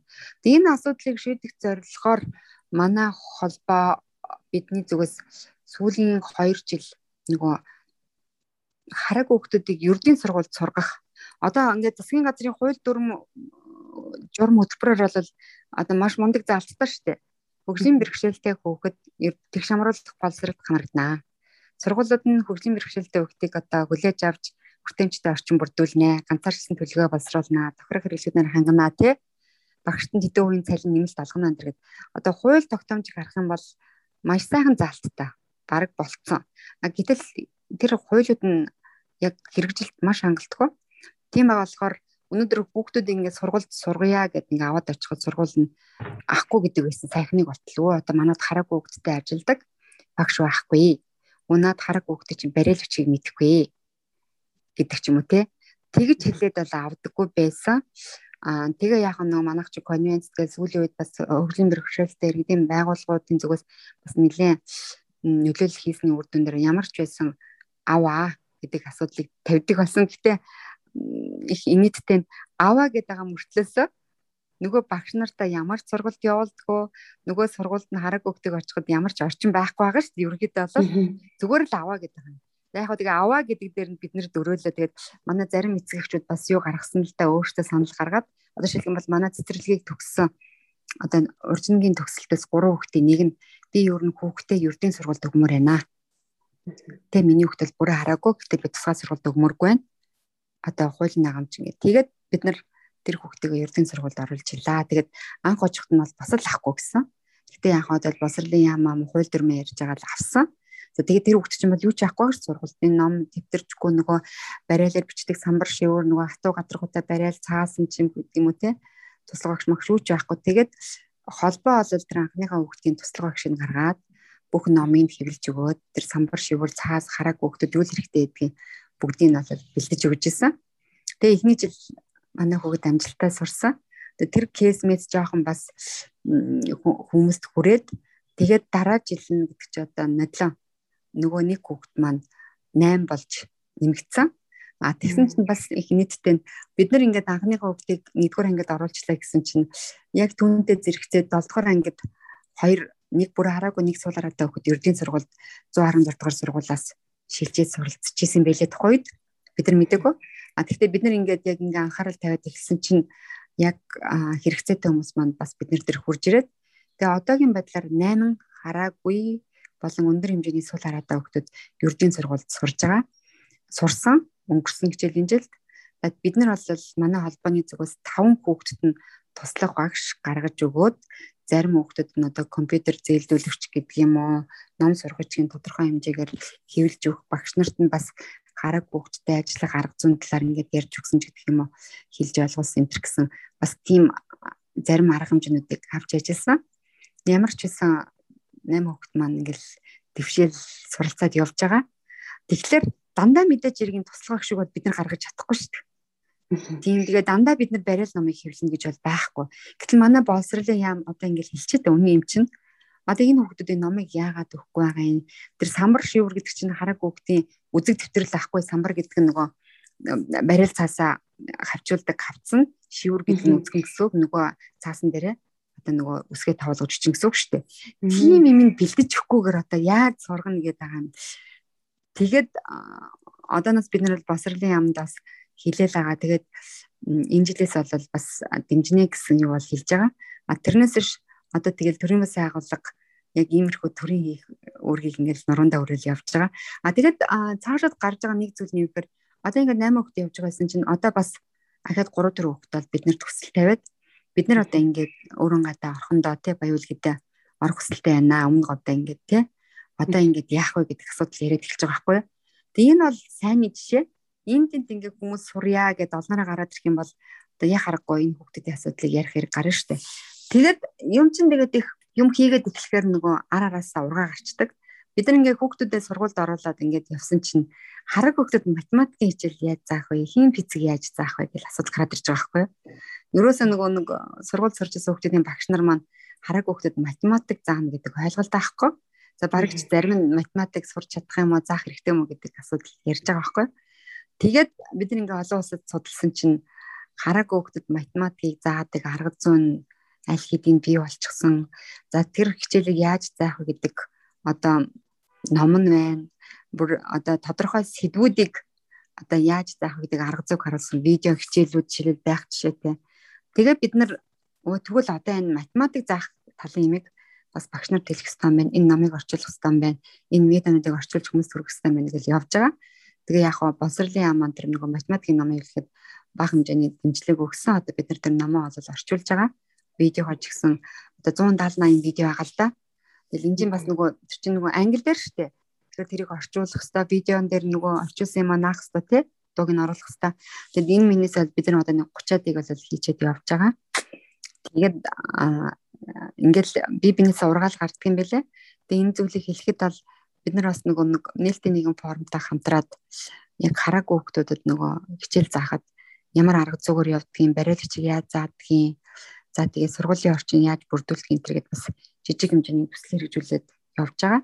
Тэгэхээр гих метр ингээд нөгөө тал талаасаа хамтраад ажиллахаар бас ингээд нөгөө хий гэж бодох юм бол нэг арга мундахгүй гэдэг шиг ингээд бас боломжууд гарч байгаа. Тэгээд хэрэгцээч байна. А баг багаас нь тэгэл явуулж байгаа л да. Тэгээд ерөнхийдөө бол а саяны жишгээр эцэг эхчүүд нь өөрсдөө миний хүүхэд ердийн сургуульд сурж болдгийм байна гэдгийг ойлгож аваад өөрсдөө нөгөө эрхээ мэддэг, эрхээ нэгдэг, эрхээ шаарддаг. За энэ дээр нь бид нэр дэмжлэг үзүүлээд ингээ хаа ханаа дор бүрнээ өөрсдөө ингээд өвчөө нэгтгээд явах юм бол өөрчлөлт хийхэд бол бас боломжийн гэж харж байгаа. Тэгэхгүй тэгвэл нээлттэй юу гэдгийг тэгш хамруулах сургалт Монгол бас хүлэн зөвшөөрсөн гэдэг нөгөө ямар ч хүүхэд одоо хараг хүүхэд би сургууль сурья гэдээ очихгүй бол тэр сургууль хязгаарч хараг хүүхдэд хүртэмжтэй болохгүй л байхгүй юу. Тэгэхээр л одоо ингээл хэвлэл мэдээллийн хэрэгслэр өө хараг хөөхөд сурж болж байгаа юм байна гэдэг мэдээллийг авсан ээж аав магадгүй харагуучд үндэсний холбоороо хандах ч юм уу тий сургууль руугаа хандах ч юм уу сурдаг гэж штэ гэл явах юм бол одоо бид нар энэ бас мэдээлэл өгöd байгаа нэг ач холбогдол байна гэж харж байгаа. Таны цаашдын ер нь та болон танай одоо холбооны цаашдын хитийн зорилго ер нь юу вэ? Хитийн зорилго бол за ингээд бид нар сая юу яасан? Манайх 17-аас 21 онд манай холбоо нөгөө 4 жилийнхаа үйл ажиллагааны хөтөлбөрийг боловсруулад ажилласан. За тэгээд тэрийгэ дүгнсэн. За тэгээд бол мэдээж бас хийж чадаагүй ажлууд нэлээд гарсан. Жишээлх юм бол бид нар ингээл түрүүний яриадсэн нөхөн сэргийх гэдэг зүйлийг бол одоо бусад улс орны жишгийн дагуу яг одоо зүгээр нэг гоё жишээ ярьчих л да. Ингээд бусад улс орнд яадаг гэхээр хүн хараагүй болоо. Хидэд ч хараагүй болж болох байхгүй юу? Тэгэхэд хараагүй боллоо л болоо шууд одоо vocational rehabilitation гэж нэрлэдэг нөхөн сэргээлч гэж нэрлэдэг тийш ингээл аваачаал тэнцэн бүр ингээд жил жил 6 сар 6 сар байрлуулаа нөгөө хүн үнэлнэ штэ. Тэгэл хараагүй хүн нийгэмд оролцоход ямар мэдлэгтэй ямар ур чадвартай байх ёстой бэ гэдгийг бүгдийг заагаад заангаа дадлаг хийлгээ нөгөө биеийн даалгад амьдраад байгаа байхгүй юу. Би бүр тийм хүмүүстэй холбогдчихсэн ингээд одоо апартментэд амьдруулаад Тэгэл бүх одоо ахуй хэрэглээний зүйлс төр галтгооны хэрэгсэл бүх юм багш нар нөхөрж ирэл заагаал өгчдөг. За таягийн заагаал өгчдөг. Тэгэл дэргэн таягаа бариад одоо юу гэдэг ажиллагааны дэлгүүр ороод юм авч идэг те нөө сургалтын төвд очиод бусад юмудаа сурж идэг. Тэгэл нэг жил сураа гарахад тэр хүн болол хараагүй байхын талаар ямар ч айдас хүйцэхгүй бүх асуудлаа нөгөө шийдэх арга ур чадвараа сурцсан тий. Тэгээд ингээд цаашдынхаа ажлыг цаашдынхаа их сургууль сурах уу гэдэг асуудлаар шийдээд явчихж байгаа байхгүй юу? Тэгэхээр Монголд бол тийм юм байхгүй. Тэгэхээр бид нар жишээлх юм бол тийм нөхөн сэргээх том төвтэй болох юмсан гэсэн одоо нэг амбицтай юм юу тавьсан байсан зорилго. Жишээлх юм бол тэр маань биелээгүүч гэдэг юм уу. Одоо ингээл орон сууц гэдээ бид нар бас аягүй том зорилго тавьсан байсан. Ямар ч сан анхан шатны тавьгал өнөөдөр маш олон хараагүй хүмүүс нөгөө орон сууцнд ая тухтаа нөхцөлд амьдарч чадахгүй байна. Тэрнээсээ болоод одоо гал алдах, гэрте амнасаа алдах ингээд нөгөө юу яаж агаад явж агаад одоо нүх цүг шудруу тий унж нас урах гэдэг айгүй тийм юмдэлтэй юмуд гардаг л да. Тэгээ орон сууцаар ханган энэ гэсэн бас нэлийн зорилтуудыг тавьсан. Гэхдээ яг бид нар хууль эрх зүйн хүрээнд тодорхой хөтөлбөрийн хүрээнд бол анхны суурьдыг бол тавьсан. Гэхдээ том том асуудлуудыг тавьсан байсан. А тодорхой хэмжээнд төрөөгөө тэгээд сая энэ онд бид нар бас нөгөө нөлөөллийн стратеги хөрөнгө босгуулалтын стратеги гэдэг хоёр стратеги ингээд боловсруулсан. За тэгээд энэ дээр бол мэдээж хэрэг бидний гол бас нөгөө ерөнхий гол зорилго нь одоо эх 4 жилдээ бол манай холбооны гол зорилго нь яг ингээд нөгөө нэг бид нар одоо хараг хүмүүс энэ нийгэмд нөгөө айц хөдсгөө аюулгүй амьдрах тэр боломжийг бүрдүүлэх гэсэн ерөнхий одоо тийм том алсын харааг тавьчаад а тийм дотор бол нөгөө хүртээмж хөдөлмөр эрхлэлт боловсрал а гэсэн бас тодорхой сэдвүүдийг аваад бүр детальчлаад аваад явж байгаа. Тэгэхээр мэдээж хэрэг нөгөө ганцхан имийг аваад явах юм бол болохгүй. Ганц боловсрал гэдээ аваад явах юм бол нөгөө боловсрал одоо сургуультай очихын тулд чиний замчин хүртээмжтэй авах хэрэгтэй. Дээвний хэрэгсэл хүртээмжтэй авах хэрэгтэй. Чамд ном байх хэрэгтэй тий. Чамд нийгмийн хамгаалал баталгаа байх хэрэгтэй. А чи ажилтаа байхын тулд бас л нөгөө нэг хүртээмж мэдээллийн хүртээмж энэ гэдэг нөхөн сэргээлт гэдэг нөгөө өөр хоорондоо эдгээр чинь бүгд уялдаа та. Тэгэхээр за нэгийг хийчихье гэж орхичиж болохгүй. Тэгэхээр ингээд бүгднийг ингээд цогцоор нь аваад явах ийм стратеги төлөвлөгөөнүүд бол баталсан байгаа л да. Тэгэл эцсийн зорилго нь бол Монгол улсад хүн хараагүй болж төрсөндөө гомдоод байхаргүй л ингээ гоё бахархалтай амьдрмаар байгаа хгүй. Тэгэд зөвхөн энэ дэр нэг хэлэхэд идэв штэ. Манай нэг Америк эднэр сурж исэн нэг ихтэй тэгжсэн. Америкт очихоор хараагүй гэдгээ мартчихдаг гэд. Тэгвэл бүх юмд хүртээмжтэй. Одоо чи хараагүй штэ гэдгийг нь сануулад байх тийм орчин байхгүй байхгүй юу? Би ч гэсэн өөрөө нэг Америкт сурж исэн. Тэгэхэд тэр их сургууль дээр очиход бол маш одоо тэр тохирог хэрэглэх хүн буюу хүртээмжтэй орчин бол гайхалтай. Намайг очлоо, надтай уулзлаа, намайг үнэллээ, компьютер ашигладгүй, бариалаа ашигладгүй, ямар дэмжлэг хэрэгтэй гэл миний бүх одоо хэрэгэлдэг номнуудыг тэр сургууль дээр нөгөө disability department гэдэг байдаг. Тэднийхнаас ингээд урьдчилаад бэлдээд өгчөж байгаа юм электроноор нь ярьдгаар нь. За тэгээд дөнгөж гарсан шинэ ном байлаа гэж бодъё. Тэгвэл тэр номыг надад яаж бэлтжижсэн бэ гэхэлэр би номоо хөдөлтөд аавна. Хөдөлтөж явсан тасалбараа баримтаа нөгөө департамент хилцтэй өгнө. Дөнгөд нөгөө ном хийсэн хэвлийн компанид одоо нөгөө сургуулиас ингэ тодорхойлт явуулчихдаг. Ингээ хараг үед сурдаг ийм ном үзэгчийн танах хэвсэн байна гэл. Дөнгөд нөгөө хэвлийн компаниас миний хөдөлтөж авсан баримтыг хараад электрон их нь явуулчихж байгаа байхгүй юу? Тэгэнгүүт нөгөө э, хөгжлийн бэрхшээлийн асуудал хариулсан хилцсэн маань миний тэр электрон номыг нөгөө хүртээмжтэй болгоод хөрвүүлээд байгаа. Тэг компьютер дээр гэсэн үг. Тэгэл миний одоо ном болол ерөөсөө ном дутагдсан байхгүй.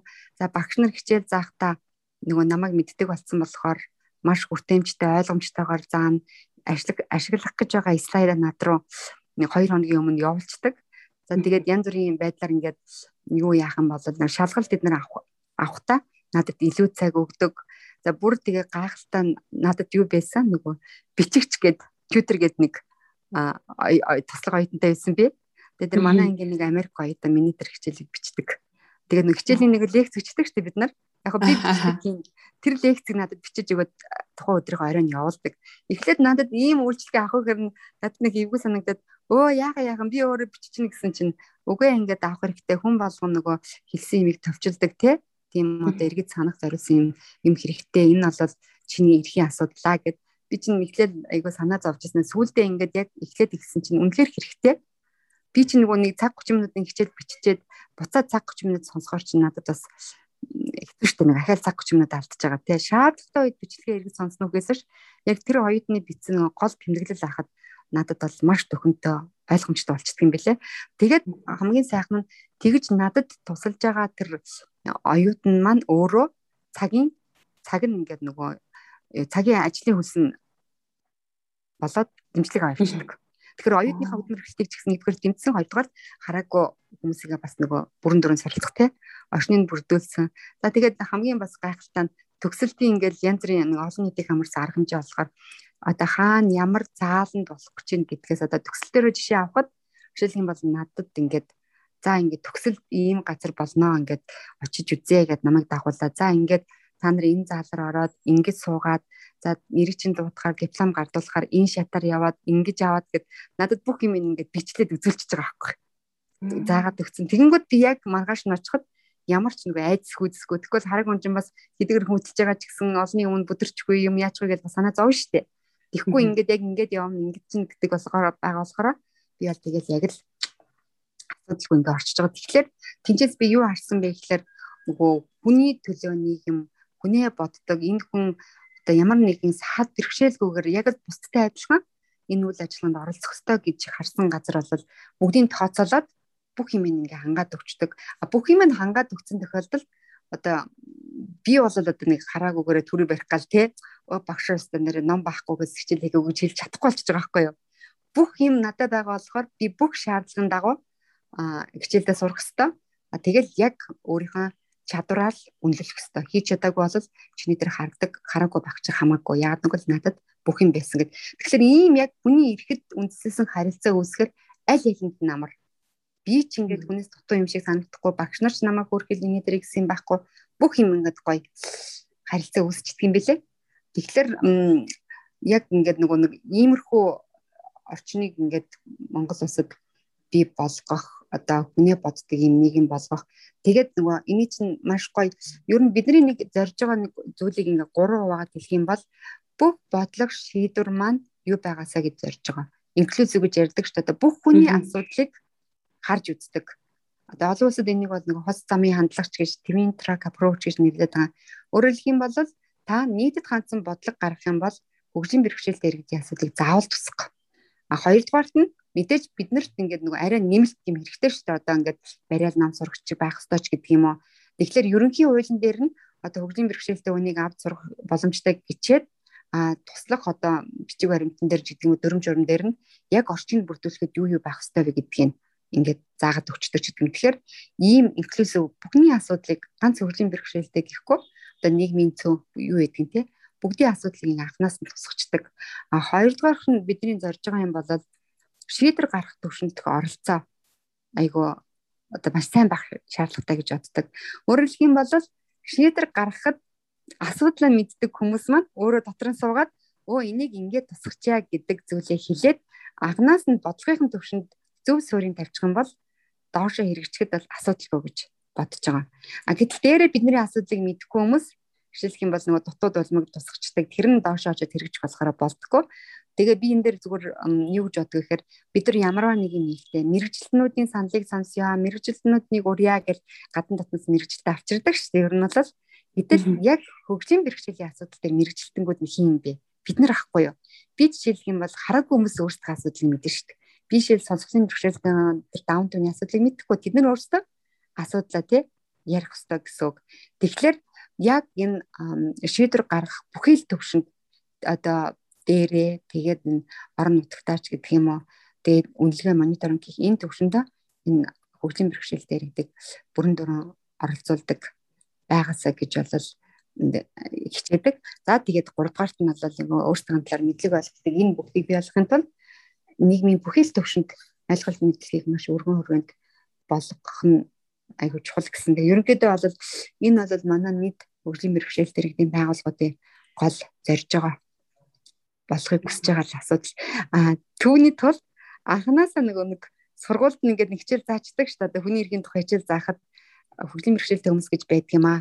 Гэдгийг сургуульд сурж байхад ингээд заагаад их сургуульд нь заагаад одоо төрийн албанд ажилд ороход нь нөгөө гендрийн одоо талаар сургалт явуулдаг гэдэг шиг хөгжлийн бэрхшээлтэй хүмүүсийн талаар ингээд ингэж ингэж интертэй хамтардаг шиг ийм онцлогтой шүү гэдэг ингээд дор бүрдэн тийм одоо шалгалт авдаг ч юм уу тест авдаг ч юм уу ойлголт өгдөг тийм байж байгаа юм бол зүгээр ингээд бусад улс орны хууль тогтоомж практикийг судлахад гайхалтай гайхалтай аваад явчихаар маш олон санаанууд байдаг.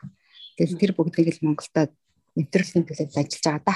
Одоо одоо хүртэл би санаас нөгөө Монголын хараагуйчдын үндэсний холбооны ерөнхийлөгч гэдэг хүний үүднээс ингээд танаас асуулт асуусан. Одоо би танаас яг хувь хүнийхээ үүднээс ингээд танаас асуулт асууя. Тэгээд та юу нах англи хэлийг яаж сурч исэн бэ? Тэгээд тэрнээс гадна Америк сая сурсан гэж ярьлаа. Тэгээд Америкт яаж юу нь яаж сурсан бэ? Ямар чиглэлээр сурсан бэ? Тэгээд бас магадгүй маш олон тийм харааг харааны бэрхшээлтэй иргэд манаас гадаад сурахыг мөрөөддөг хүсдэг хүмүүс байгаа. Тэгээд тэр талаар та өөрийнхөө туршлагаас хуваалцахгүй юу? Би чи Монгол улсын их сургууль сурч ахвилийн сургууль 3 дугаар курст хараг болцсон хөгжлийн нөгөө хүн асуудлыг яаж харж байна гэдэг өнцгөөс л болоод одоо нөгөө цаашдын амьдралын зорилго зорилт те одоо мөрөөдөл гэдэг юм уу тийм юмнууд нь тохиол болдог болоо гэж бодож байна.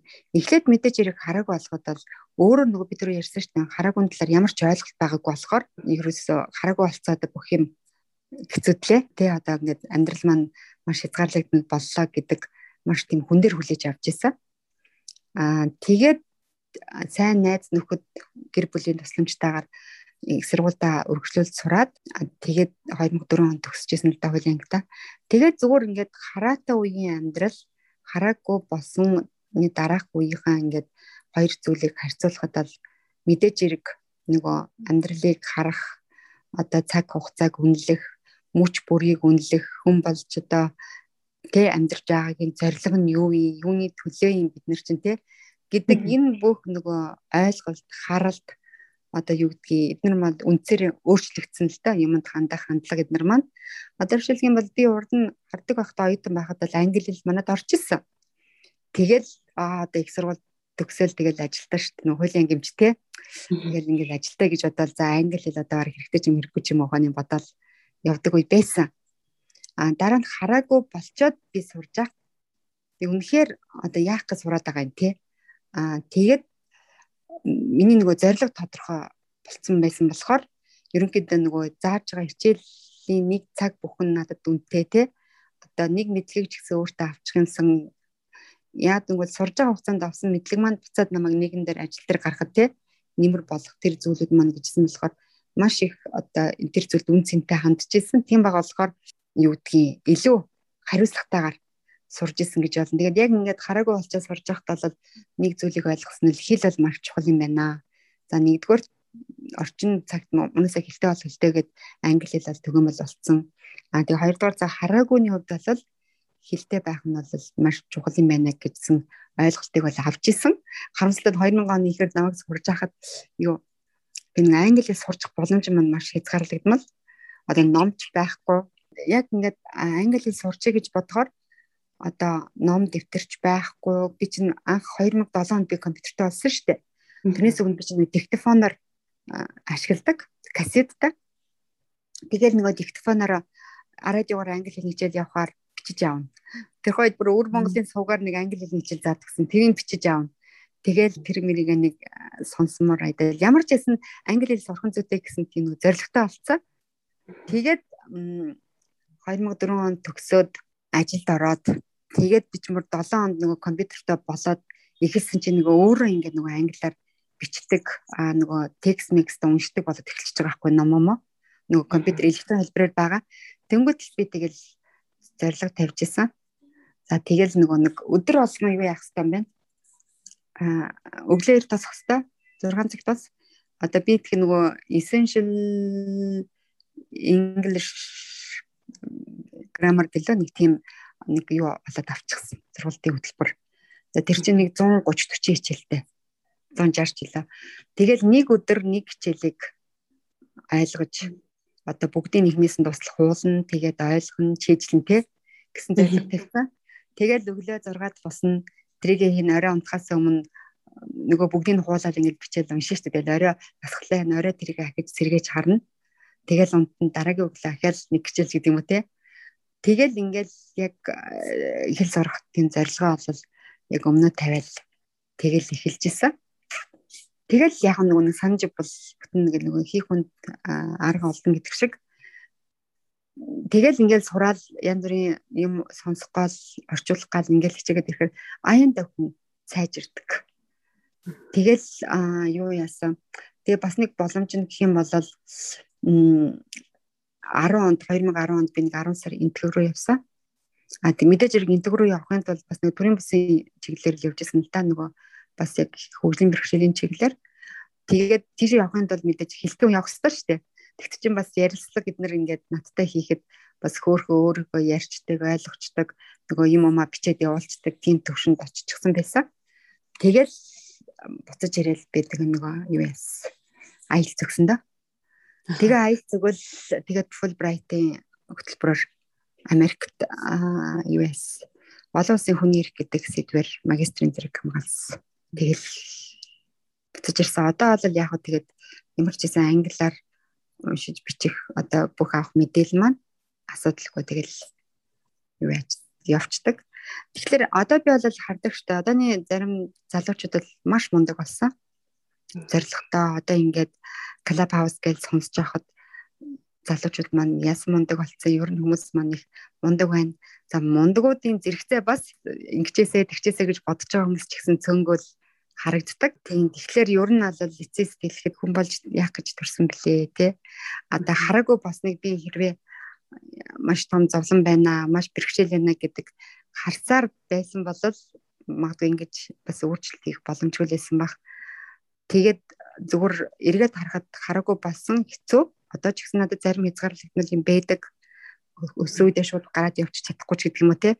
Гэхдээ миний амьдрал илүү утга учиртай, зоригтой би юуны төлөө амьдраад байгаа юм яах гэж хүн бол төрлөө гэдэг маань бол илүү тодорхой болсон, илүү зоригтой болсон, илүү завгүй болсон.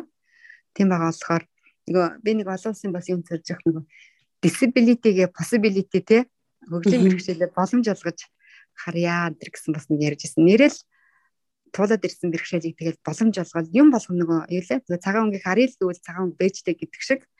Тэгэл нөгөө ямар ч юм дотор нөгөө боломжууд ямар ч юм дотор бас цагаан гэгээлх талууд байдаг ч тийм байгаа болохоор тэгэл завгүй энэ Монголынхаа нийгмийг хөгжлийн мэрэгчлэлтэй гэлтгөө бүхэн гоё ээлтэй тийм сайхан нийгэм болгоход жоохон ч гэсэн хувь нэмрээ оруулна гэл зориул явж байгаа. Ер нь манай хөгжлийн мэрэгчлэлтэй иргэдийн гол зорилго бол бид нар тэгж л байдаг.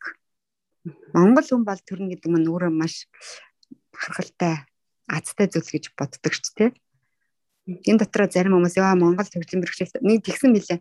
Нөгөө Японоос Японд нэг Монгол хараг өхөн байдаг юм билээ. Бүр багасаа тийм сураад. Тэгээ нөгөө амралтаар Монголд ирсэн гинэ. Тэгэж явж байгаа нөгөө яг Япончин бол маш хүртээмжтэй болохоор тэгэл таяга өрөөл явдаг юм байна л да зайлал. Тэгээ нөгөө төг чинь яг таньдаг газар явж байгаа нөгөө тарин шанал унаад эрэг оголцсон юм байна л да. Тэгээ шүд мүдэндээ нөгөө аппарат аппарат зүгэд ахиж л хизээч Монголд ирэхгүй ста нэрээ.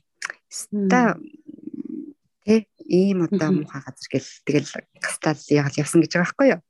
Гэтэл тийм байлгамар бэрчтэй Монгол төрсөндөө тэг хөгжлийн мэрэгчлэл тусандаа ингээд гониглаад ингээд гомдод баймаргүй харин ч бахархаад явхаар тийм гоё хүртээмжтэй орчим биях хэвээр. Тэгээд би зүгээр сүлд нэг зүйл хэлэх гэсэн. Хүртээмжтэй орчин гэдээ би нилээд ярьсан. Хүн болгонд одоо энэрнгөө нэгүүлсэнгүү тийм сайхан нийгэм байгаасаа гэж ярьсан. Гэтэ энийг бол ганцхан хөгжлийн бэрхшээлтэй иргэд бид нар бол хийж чадахгүй шүү дээ. Бид нар бол асуудлаа ярина, та нарт ойлгуулна. Та нар хийж байгаа юм болгондоо одоо шилэх юм бол оо миний хийж байгаа ажлыг чинь нэг үр шимийг хүртэх чинь хөгжлийн бэрхшээлтэй иргэд юм а гэд.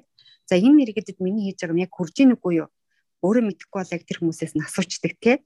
Одоо ийм хийж ин танах болж ин ингээд болж ин гэдэг юм маш сайхан хамтын ажиллагаа ийм хүн төвтэй одоо сүүлийн нөх хүн төвтэй гэж яриад байгаа хгүй хийж байгаа юм болгоом чинь хүн төрж байгаа юм чинь ийм хүн төвтэй ийм одоо хандлага бий болох ёстой гэж үзэж байгаа. Тэгэхээр ингэж хамтаараад бид нар энэ нийгмийг болол нөгөө хүн болгонд хүртээмжтэй болгоно. Тэгээд тэгжсэн манай дэлхийн хараг хүчтэй холбооноос нэг ярьдаг байхгүй юу? Одоо өнөөдөр ингээл хараг хүмүүст ингээл бид нэр барил нам хийж ийн, ийм тактил зам гэл дууд гэлэн дохой, ийм туслах технологи гэж ярьж байна. Гэтэл зарим хүмүүс ингээл за надад ямар хамаатай Тэ ямар манай гэр оронд хараагүй байдаг ш гэд зөрөөд өнгөрөх магадлал маш өндөр. Гэтэ тэр хүмүүс хандаж юу хэлэх вэ гэхээр магадгүй маргааш та бидний хийсэн энэ ажил баярлалаа гэж хэлэх цаг ирэх чинь билүү та тэрийгэ бодороо. Тийм байхгүй би чинь тэгэл 20 настай байхдаа хараг болцсон шүү дээ.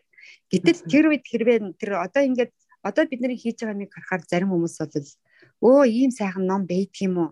Тэ нэг уншмаар шүү дээ. Ингээд цэцэрлэг байгаад ингээд бас ингээд хөөрхөн дэмжиж идэх юм биш тэгээ тий. Хүүхдээ аваад ирж байгаа байхгүй юу. Гэтэл маргааш амьдрал юу болох хинч мэдэхгүй байхгүй тий. Тэгэхээр ингээд хараагүй болчтой гэдээ гуниглаа суухгүй хараагүй болсон ч гэсэн амьдрал үргэлжлэнэ. А амьдрал үргэлжлэхэд та тухайн хэрэгцээтэй нэг ихнээс нь хийх биш юм чинь байвал таны амьдралыг илүү хөнгөн болгочих боломжтой. Тэгэхээр л одоо нийгэмд байгаа бүх хүмүүс хажуудаа байгаа хүмүүст ингээд жоохон ч гэсэн анхаарал тавьчихдаг тий нөгөө гоё хүнлэг инэнгөө тэгээд маргааш баярлах цаг ирэх чинь бидэг гэж бодоод бас би биэндээ бас жоохон ингээд нөгөө өөртөө чаддаг мэдгээр ингээд дэмжээ явцдаг бол их гоё. Тэгэхээр нөгөө дэмжээд яв ингээд та нар хувь нэмрээ харуул гэхээр оо бид нэр ингээд та нарт өчгөр тийм мөнгө төгөрг байхгүй. Бид нар одоо тийм одоо арай боломжгүй төрөл хүмүүс ярьдаг байхгүй юу?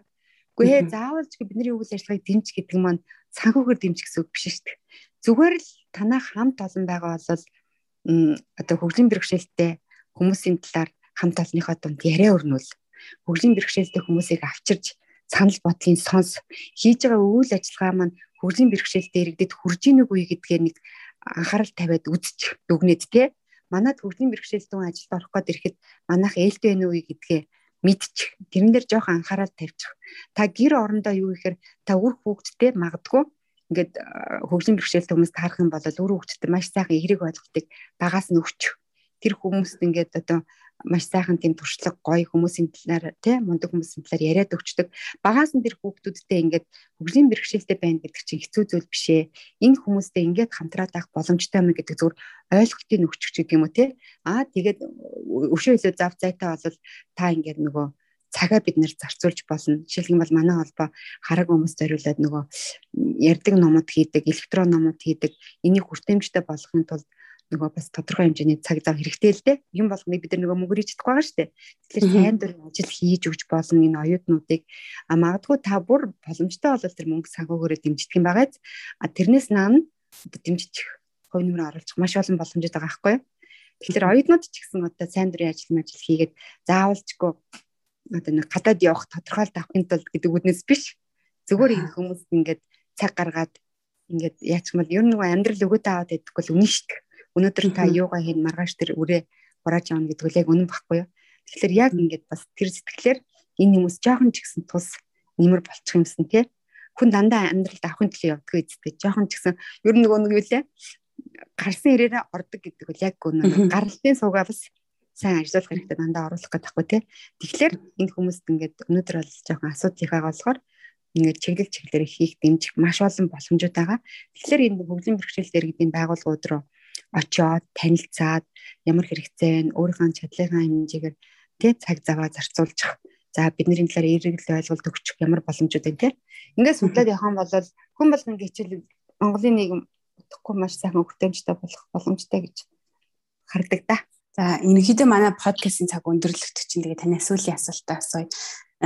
Та өнгөрсөн жил нүүбийн хөгжлийн бэрхшээлтэй иргэдийн эрхийг хамгаалах хорон гишүүнээр сонгогдсон байсан. Тэгээд таныг харахаар ингээд маш их одоо ингээм амбицтай, амжилттай яваа ингээд хөгжлийн бишэлтэй иргэдийн төлөөлөл шүү дээ. Тэгээд таны ингэж цааш нь ингэж хөдөлгөх юу н хүч юу нь яг юу байдаг вэ? Одоо нэг юм хийсэн л бол оройд нь хүртэл явах. Би одоо хөгжлийн бэрхшээл зүгээр мэдгүй одоо хараагүйгээд болсондоо ч холбоотой юм ерөөсөө тийм л надад бодол зориг байдаг. Анх ингээд холбоондоо ажилд орчоод Тэгээд за Монголын хараагүй иргэдийн төлөө ингээл ямар ч ясан ингээд нэг тэр чинь нэг юу яагаад бид нар ингээд гадар хөвөх хэвтэй юм те яагаад бид нарыг ингэж хөөрхөлтэй явах хэвтэй юм би тэгж харагдмааргүй шүү дээ. Тэгэхээр энийг нэг өөрчлөх хэрэгтэй гэж хараагүйчдийн холбоонд орж исэн. Дараа нь би нэг олон улсын хуралд очиод олон улсын хараагүй иргэд ингээд бүгдээрээ цугларал асуудал ярина шүү дээ. Улс болгон тий. Бид нар дэлхийд ийм олон юм чинь Монголыг өөрчлөх бол асуудалгүй байна гэж ингээл явж исэн. Тэгэл ингээл явханд бол дэлхийдээ харьцахын тулд надад хэл хэрэгтэй байх гэдэг ойлгосон байсан. Хилээ сурсан тий. Илүү хөгжлийн бэрхшээл дээр гэдэг төлөө юм хий гэхээр нийгэмд би өөрөө хүлийн зөвшөөрөх хэрэгтэй болж байгаа байхгүй. Би энэ хүмүүсийг ярьдгийг ярих хэрэгтэй болно тий. А тиймийн тулд би заавал тэр одоо хүмүүсийн одоо юу гэдгийг гадаадд сурчсан одоо би нэгдүгээрт мэрэгжлээд ирчүүд нь хоёрдугаарт миний бодол юу гэхээр магадгүй Монголын нийгэм чинь тийм дээ нөгөө нэг юу лээ. Эхлээд гадаадд сурсан гэх юм бол нэг хүнтэй юм ярихад арай нэг алхам дээшээ болж исэн. Тэгдэг шүү дээ хүмүүсээ тийм. Тэгдэг нэгэн баггүй юу. А тийм байгаа болохоор энэ хүмүүстэй би мөр зэрэгтэж явахын тулд би энэ хүмүүсийн сурсан мэдснийг цог мэдэх хэрэгтэй байна гэд явсан, сурсан, буцаж ирсэн. А гэтэл дэлхийд нөгөө одоо ганц Монголын асуудал биш дэлхийн одоо хөгжлийн бэрхшээлтийн асуудлыг ярьдаг хороо цаанчин биш. улс орнуудын нөгөө тайлын илтгэлийг хилцэл танаа улс энэ болохгүй энийгээ сайжруул гэл те хилдэг тийм том хороо цаанчин байхт чинь яагаад энд монгол хүн бэж болохгүй гэж те? Би тэгвэл ингээл зүгээр нэг юм бодогддөө шүү. Бид нар ингээ монголчууд агиих ингээд нөгөө хандив туслаж төсөл хэрэгжүүлдэг. Надад заримдаа өрөвдмөр санагдаг хизээ монгол ядарсан буруу бусад орнд төсөл өгдөг болох юм бол те? Бас ингээл хүмүүс ингээл төсөл авах гэсэн манад ийм хэцүү. Одоо ингээл хүүхдүүд нь сургууль сурахгүй нэгэд ярих чинь ичгэртэй ахгүй юу? Заримдаа тэрийгэ бодохоор ингээд ичдэг шүү дээ. Ингээд Монголын төр 3 сая үнэтэй ийм том баялагтай ус дэж тий. Яагаад бид ингээд ядуу амьдралад бусдын өмнөөс ингээд бодроо ярихад хүргээд байгаа юм бол тий. Яг мөнгө олж байгаа асуудлаар шийдэж байгаа нь болж байгаа ч гэсэн хүний өмнө тэгэж ярина гэдэг чинь хүсэж авах зүйл биш байхгүй юу? Тэгэхээр ингээд тэр мөрнээс ингээд жоохон хор шар байдаг ч юм уу? Ерөнхийдөө л ингээд тэр хүмүүсийн хүрдэг хийдэг юмд нь л хүрхэмсэн гэсэн зүгээр л тийм бодолтой. Тийм байгаа болохоор одоо ингээд энэ хороонд явж байгаа. Тэгээд одоо хороонд бол дөнгөж ороод ингээд ажиллал эхэлж байна. Тэгээд одоо манай хороо нөгөө сая 3 сард хуралцсан нөгөө бид нар бол Женев нэг жилд 2 удаа биечилж уулздаг. Тэгээд коронавигоос болоод чадахгүй байгаа. Тэгээд сая 3 саяын сарын хурал маань онлайнаар явсан. Одоо 8 сарын 15-аас 9 сарын 15 хүртэл 25 дахь бас нөгөө хорооны хурлууд болно. Тэгээд нөгөө Франц, Жибутигээд хоёр улсын тайлын ихтгэлийг авч хилцэн л дээ.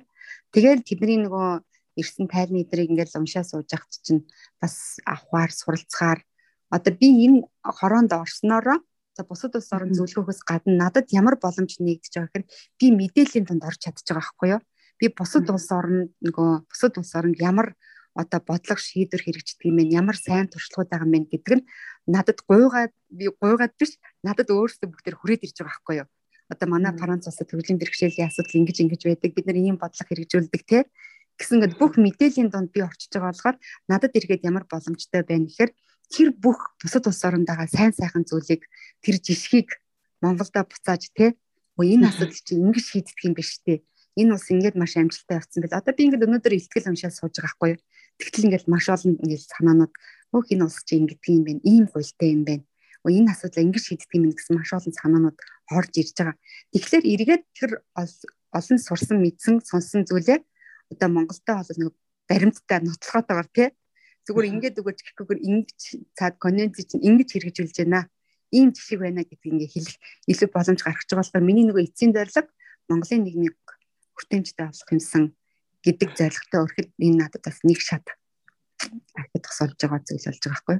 Тэгэхээр ингээд нөгөө яг эцсийн зорилготой хүрэхэд надад юу хэрэгтэй юм те тэр бүгдийг ингээл бариад явхад энэ конвенцийн ороо болол бас нэг дамжих хөстэй дамжлага юм байна л гэж харагдсан.